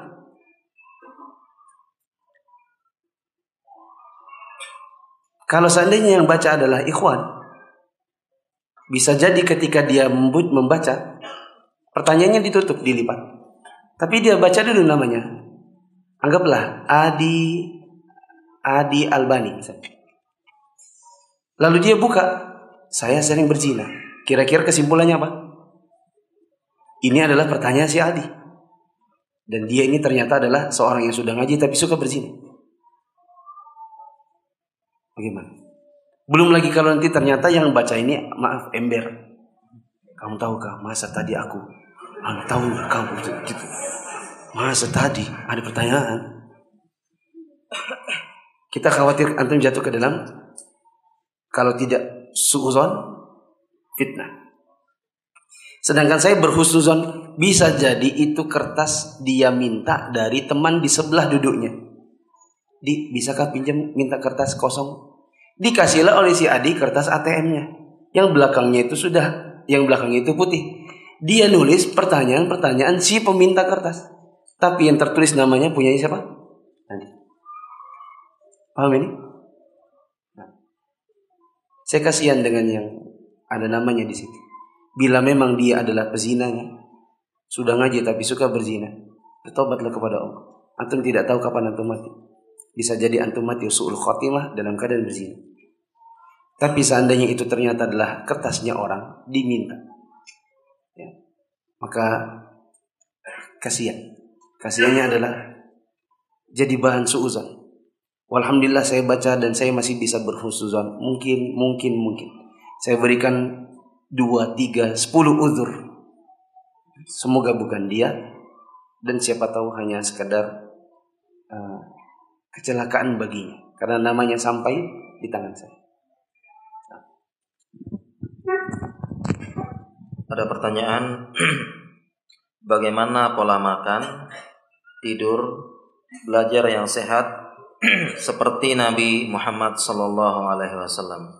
Tadi sudah kita bahas tentang pola makan ya secara ringkas. Demikian juga dengan pola tidur. Pola tidur sebenarnya penjelasannya cukup panjang, tetapi ada satu yang ingin saya jelaskan bahwasanya intinya eh, pola tidur itu kita dijadikan malam hari sebagai tidur ya. Wajalna naumakum subata wajalna laila libasa. Dijadikan malam tempat istirahat. Tempat tidur. Jadi malam. Jadi intinya tidak pertama tidak boleh begadang tanpa ada kebutuhan. Tidak boleh begadang kalau tidak ada gunanya katanya. Ya kemudian juga eh, kalau begadang sesekali boleh menghidupkan malam dan sebagainya ini boleh sesekali bukan jadi kebiasaan. Bahkan orang-orang hebat mereka begadang untuk mencapai hal yang diinginkan. Ulama begadang belajar. Ya makanya orang Arab mengatakan man aroda ma'ali saharolayali Barang siapa yang menginginkan hal yang tinggi, dia begadang malam hari. Akan begadang, belajar tengah malam, waktu sunyi, sepi, waktu yang panjang, tidak ada hiruk pikuk manusia, anak, istri tidak ada, dihidupkan waktu malam. Kalau sesekali, boleh untuk hal yang bermanfaat. Boleh. Kemudian yang ingin saya sampaikan juga, yang paling penting adalah uh, sunnah ya, termasuk sunnah pola tidur Nabi SAW adalah kita setelah isya tidur. Jadi uh, kapan pola kapan tidur yang baik sesuai sunnah yaitu setelah sholat isya tidur.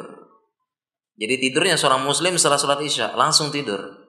Ya dari mana? Dari hadis ya karena uh, para sahabat mengatakan Nabi karena Nabi wasallam yakrahun nauma qoblal isya wal haditha ba'dahu.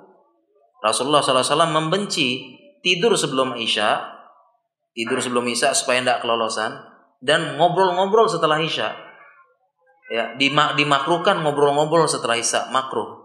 Loh kalau makruh bagaimana? Ngapain kalau begitu? Kata ulama tidur. Jadi tidurnya seorang muslim setelah isya. Sekarang kita gimana sekarang ini? Sekarang kita gimana nih kok langsung tidur? Jawabannya adalah karena hukum asalnya makruh. Ya makruh. Ya kalau makruh. Tetapi ketika ada hajat maka menjadi mubah. Karena kaidah fikihnya al makruhat indal hajat tubah makruh ketika ada hajat penting, hajat yang bermanfaat, hukumnya jadi mubah, apalagi itu adalah hal-hal yang sunnah. Ya, jadi itu salah satu. Oleh karena itu, sesekali para jamaah sekalian, sesekali, sesekali kita terapkan, habis isya tidur langsung. Sesekali kita terapkan. Dan ternyata subhanallah, jam 3 bangun dengan mudah. Jam 2 bangun dengan mudah untuk bangun sholat malam. Sesekali, ya sebulan sesekali lah habis isya langsung tidur. Kunci utamanya adalah membuang HP jauh-jauh Iya, buang HP langsung taruh HP di kamar mandi kah di mana? Di loteng, di atap taruh. Langsung tidur, mati lampu tidur, insya Allah sesekali sana, laksanakan sunnah, yaitu habis isya langsung langsung tidur. Allah taala.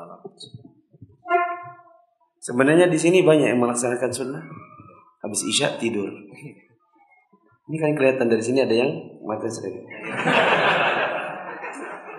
Sunnah, apa-apa. Sunnah.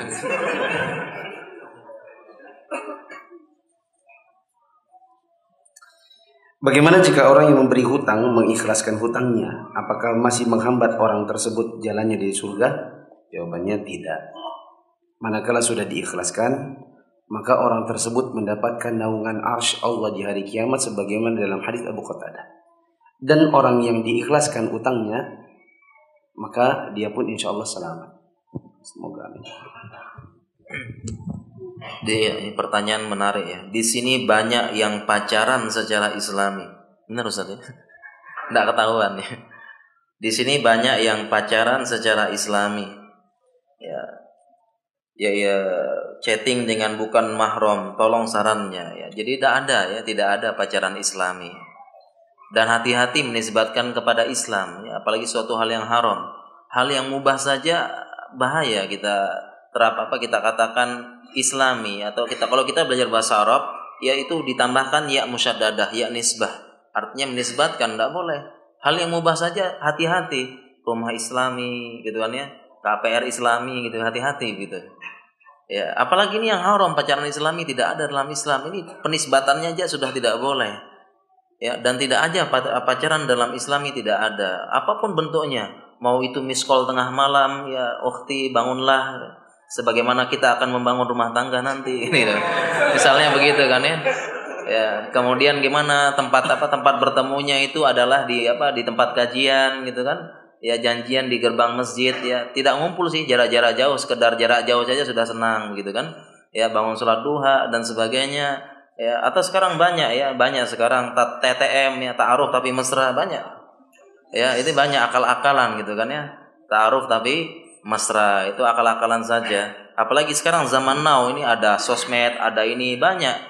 Ya banyak jadinya apa di di di, di sini menundukkan pandangan tapi di sana chatting-chattingan. Ya PM DM inbox dengan ikhwan dan sebagainya mesra dan sebagainya banyak tidak terkontrol di zaman sekarang dengan adanya DM ya ini mengingatkan saya di zaman dahulu di zaman dahulu belum ada ini SMS susah nelpon susah. Subhanallah kita itu apa untuk hubungan dengan ahwat sangat sulit itu kaku zaman apa susah zaman dulu. Sekarang saya dengar berita begitu gampang bermudah-mudahan. Kontak apa kontak dengan akhwat DM inbox atau komentar di postingan akhwat subhanallah ini sangat mudah sekali. Ya komentarnya apalagi si si si si, si gitu ya. Atau kasih apa emotion walaupun senyum kebayang akhwatnya senyum gitu kan. Dan sebagainya. Ini hati-hati ini yang menyebabkan pacaran sekarang zaman sekarang. Hati-hati dengan sosmed hindari semuanya. Ya dalam masalah cinta ini ana dua aja, dua hal. Kalau tidak halalkan, hilangkan itu saja. Ya, dan ini banyak membuang-buang waktu. Banyak membuang-buang waktu, habis tenaga, pikiran, perasaan, habis untuk urusan yang tidak jelas seperti ini. Habis menuntut ilmu tidak layak seperti ini. Tidak kita bayangkan Ibnu Umar, Ibnu Abbas pemuda zaman dulu kena penyakit seperti ini, baca puisi, nangis di pojok kamar tidak kebayang gitu kan. Ya Allah. Jadi seperti ini apa namanya para ikhwan sekalian hindari pacaran Islam, buang-buang waktu ini dan kita khawatir ini adalah menyebabkan uh, susahnya. Dan para ikhwan sekalian ini sangat penting rumah tangga itu adalah suatu hal yang uh, sakral. Jangan sampai rumah tangga kondisi rumah tangga pondasinya kita bangun di atas kemaksiatan kepada Allah Subhanahu wa taala. Ini hati-hati sekali. Hati-hati sekali rumah tangga yang luar biasa sakralnya pondasinya dibangun di atas maksiat kepada Allah Subhanahu wa taala. Hati-hati. Para iwan sekalian, jangan kita ikut, kita sibukkan dengan ilmu dan kalau sudah sibuk dengan ilmu tidak sempat yang namanya pacaran apa dan sebagainya, itu tidak apa tidak bukan himmah dia yang tertinggi. Allah taala alam. Uh, saya tambahkan ada orang mau kerjasama muamalah join sama orang yang dia tahu itu curang Apa yang terjadi? Dia selalu was-was. Itu tidak? Dia sudah tahu itu track recordnya orang curang. Dia bermuamalah dengan orang yang dia tahu tukang bohong. Dia pasti akan was-was. Ini jujur enggak ya? Ada laki-laki dan perempuan mau menjalin hubungan dengan yang dia sudah tahu. Ini akhwat dihubungin oleh laki-laki yang bukan mahram kok mau. Berarti ini akhwat nggak baik ini. Meskipun bercadar. Begitu juga si akhwat tahu track recordnya laki-laki ini. Ini ikhwan ngaji tapi godain akhwat. Jadi sama-sama mau bermuamalah berdua dalam keadaan sama-sama tahu ini adalah orang-orang curang semua. Kira-kira bagus? Makanya saya sering bilang kalau ada ukti, kalau ada ikhwan ngubungin anti dengan chatting-chatting yang seperti itu, ketahuilah itu bukan laki-laki baik-baik. Ikhwan kalau antum menghubungi akhwat dan ternyata dia merespon dengan godaan-godaan antum pun dia respon, ketahuilah antum nggak baik, dia pun nggak baik. Tapi biasanya sih yang godain duluan siapa? Ikhwannya. Yang kijil itu ikhwannya.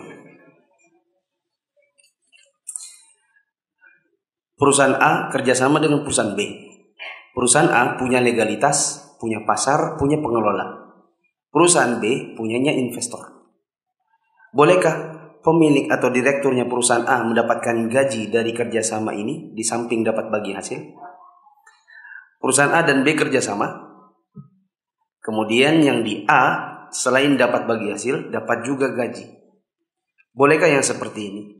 Jawabannya ada khilaf di antara para, para ahli ilmu.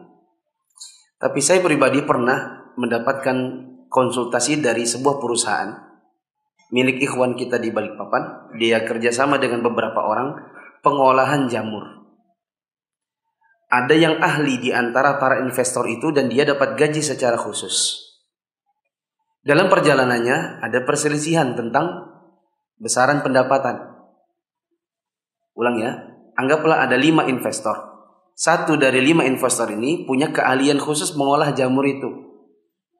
Dia dapat gaji di samping bagi hasil. Sama kan nih pertanyaannya berarti? Kemudian terjadi perselisihan. Maka masalah ini saya tanyakan kepada Syekh Sa'ad Al-Khotlan. Beliau guru saya dulu dulu adalah anggota Hay'ah Kibar Ulama, termasuk di antara guru-guru atau di antara masyayikh yang sering me membicarakan masalah muamalah. Kata beliau, yang seperti ini harusnya adalah kalau memang ada yang ahli, maka nisbah keuntungannya buat dia dibesarkan bukan diberi gaji khusus. Alasannya, bila diberi gaji khusus, khawatirnya dia akan bekerja alasan asal-asalan karena memang sudah dapat gaji. Mau temannya, mau nanti usaha ini maju kah, tidakkah? Bagi dia sudah tidak ada masalah karena dia punya gaji. Maka dalam rangka untuk membatasi jangan sampai nanti ada orang berkhianat, yaitu si yang punya keahlian. Berkhianatnya gimana? Dapat gaji dan malas-malasan akhirnya memodorkan yang lain yang punya nisbah. Maka caranya adalah besarkan nisbahnya dia. Misal dari lima orang, pembagiannya adalah 20, 20, 20, eh maaf, 15, 15, 15, 15. Sedangkan dia 40. Kenapa dia 40? Karena dia yang punya keahlian, dia ngolah. Ketimbang di 20, 20, 20, 20, 20, masing-masing 20, lalu orang itu dapat gaji secara khusus. Khawatirnya tadi dia berkhianat, mentang-mentang dapat gaji, lalu dia malas-malasan dan tidak membuat tidak membuat keuntungan buat temannya yang empat ini yang saya ketahui yang pernah disebutkan oleh guru saya Syekh Sa'ad al Ya, para jemaah ini ada pertanyaan yang apa yang mungkin kita perlu jelaskan. Saya ingin bertanya, saya bimbang dengan pengajian salaf karena sering menyalahkan orang baru tobat langsung menyalahkan dan merasa benar. Jadi ini perlu kita luruskan para jamaah sekalian. Ya, perlu kita menjelaskan dari pengertian salaf itu sendiri. Salaf artinya orang yang terdahulu. Ya, dan ditambah ya kemudian kalau kita sekarang mendengarkan salafi ditambah dengan ya nisbah ya jadi salafi seperti salafi ya maki dengan Mekah, lumbuki dengan Lombok berarti penisbatan. Dan salaf itu adalah Rasulullah SAW. Beliau mengatakan kepada putrinya, nikmat salafi analaki. Ya sebaik nikmat salafu analaki sebaik-baik salaf itu adalah saya. Jadi siapa salaf itu adalah Rasulullah SAW dan para sahabatnya dan generasi terbaik. Ya, jadi salafi itu menisbatkan kepada Rasulullah SAW. Dan yang paling penting para jamaah sekalian, salaf ini adalah manhaj dan metode serta uh, pemikiran bukan stempel kepada orang tertentu dan bukan klaim. Bukan klaim, bukan stempel. Jadi siapa pun yang dia punya pemikiran, amal, salaf dialah salaf. Manhat yang benar, metodologi beragama dialah yang salah. Salafi maksudnya. Ya, jadi bukan semata-mata ini sehingga salaf itu bukan identik dengan person tertentu, dengan ini tertentu. Bukan. Ya tetapi dia adalah metodologi beragama, bukan bukan berlomba-lomba mengklaim saya yang paling. Bukan. Ini perlu kita jelaskan. Dan kemudian juga yang perlu kita jelaskan mengenai sering menyalah-nyalahkan bukan itu maksudnya. Ya, yang benar adalah kita ini membenarkan dan mengkoreksi. Ya, bukan menyalah-nyalahkan. Ya, contohnya misalnya ketika ada seseorang menjelaskan ini adalah mau ini dia dia menjelaskan ini salah, bukan berarti menyalah-nyalahkan. Demikian juga banyak hal, termasuk contohnya dengan membidah membidahkan juga. Menjelaskan bid'ah berbeda dengan memfonis uh, bid'ah. Karena berbeda antara pelaku dan fonis fonis perbuatan dan fonis pelaku. Belum tentu pelaku bid'ah jadi otomatis dia pelaku bid'ah. Belum tentu. Jadi ini perlu dibedakan antara menjelaskan bid'ah dengan memfonis belum tentu menjelaskan bid'ah artinya memfonis neraka ya belum tentu ini beda Ya, jadi ini membedakan beda antara menyalah-nyalahkan dengan menjelaskan hukum berbeda. Ya, sebagaimana seseorang kalau kita katakan kita jelaskan hukum uh, perempuan yang tidak menggunakan jilbab nisaun kasiyatun ariyatun memilah ma'ilah dan seterusnya la yadkhulul jannah, tidak akan masuk surga. Wala yajidna riha, tidak akan mencium bau surga. Kalau kita jelaskan perempuan yang tidak berjilbab akan masuk neraka, tidak mencium bau surga. Apakah kita memfonis perempuan tersebut masuk neraka? Tidak, sama juga ketika kita menjelaskan ini hukumnya bid'ah, tidak ada ajaran dalam Islam dengan dalil-dalil. Apakah kita memfonis orang yang melakukan itu masuk neraka? Tidak. Makanya ini perlu kita jelaskan dengan baik para jamaah. Bedakan menjelaskan hukum dengan memfonis. Dan kita diajarkan akidah al-sunnah wal jamaah dalam dakwah salafiyah dan manhaj salaf itu tidak kita tidak diajarkan memfonis serampangan baik kafir maupun bid'ah. Semua ada keedahnya. Ini perlu kita jelaskan. Sehingga ini untuk menjelaskan yang mengatakan pengajian salaf sering membidah-bidahkan orang. Tidak benar. Kita menjelaskan hukum. Memfonis orang tidak benar. Kita hanya menjelaskan hukum. Ini tidak benar. Ini yang perlu kita jelaskan. Dan tidak ada kita menyalah-nyalahkan. Yang benar kita adalah menjelaskan hukum. Tidak boleh kita menyalah-nyalahkan seseorang. Adapun kalau ada person satu dua yang memang suka menyalah-nyalahkan, iya kita sudah jelaskan. Ya namanya salah bukan uh, stempel pada orang tertentu, tapi pemikirannya. Ya jangan perbuatan satu orang digeneralisir. Ini perlu kita jelaskan apa kita perlu jelaskan baik-baik dengan hikmah, dengan lembut kepada kaum muslimin. Semoga mereka menerima dengan baik. Insyaallah. Gimana? Tutup ya, masya Allah. Antum yang buka, antum yang tutup. ya demikian para jamaah sekalian sudah jam 9 lebih tanya jawab dari kita dari permi harusnya Ustadz Muflih yang buka harusnya beliau yang menutup. Tetapi uh, beliau meminta anak yang menutup. Mungkin demikian para jamaah sekalian ya. Tanya jawab ini dan sebenarnya apa namanya uh, saya saya kalau tanya jawab takut saya. Takut dia apa ya, tidak bisa menjawab dan tidak siap begitu ya. Tapi mudah-mudahan apa yang kita jawab ini bisa bermanfaat bagi jamaah sekalian. Ya kurang lebihnya saya mohon maaf kalau ada salah kata. Kemudian apabila ada salah dalil salah istimbat salah kesimpulan mohon kita diluruskan. Mungkin demikian para jamaah sekalian, semoga kita bisa ikhlas kepada Allah Subhanahu wa taala dan kita bisa mengamalkan ilmu yang kita dapatkan karena Allah berfirman jazaan bimakanu ya amalun. Balasan bagi mereka yang mengamalkan, bukan jazaan bimakanu ya lamun, bukan balasan bagi mereka yang mengetahui. Demikian kita akhiri subhanakallahumma bihamdika asyhadu an la ilaha illa anta astaghfiruka wa atubu. Wassalamualaikum warahmatullahi wabarakatuh.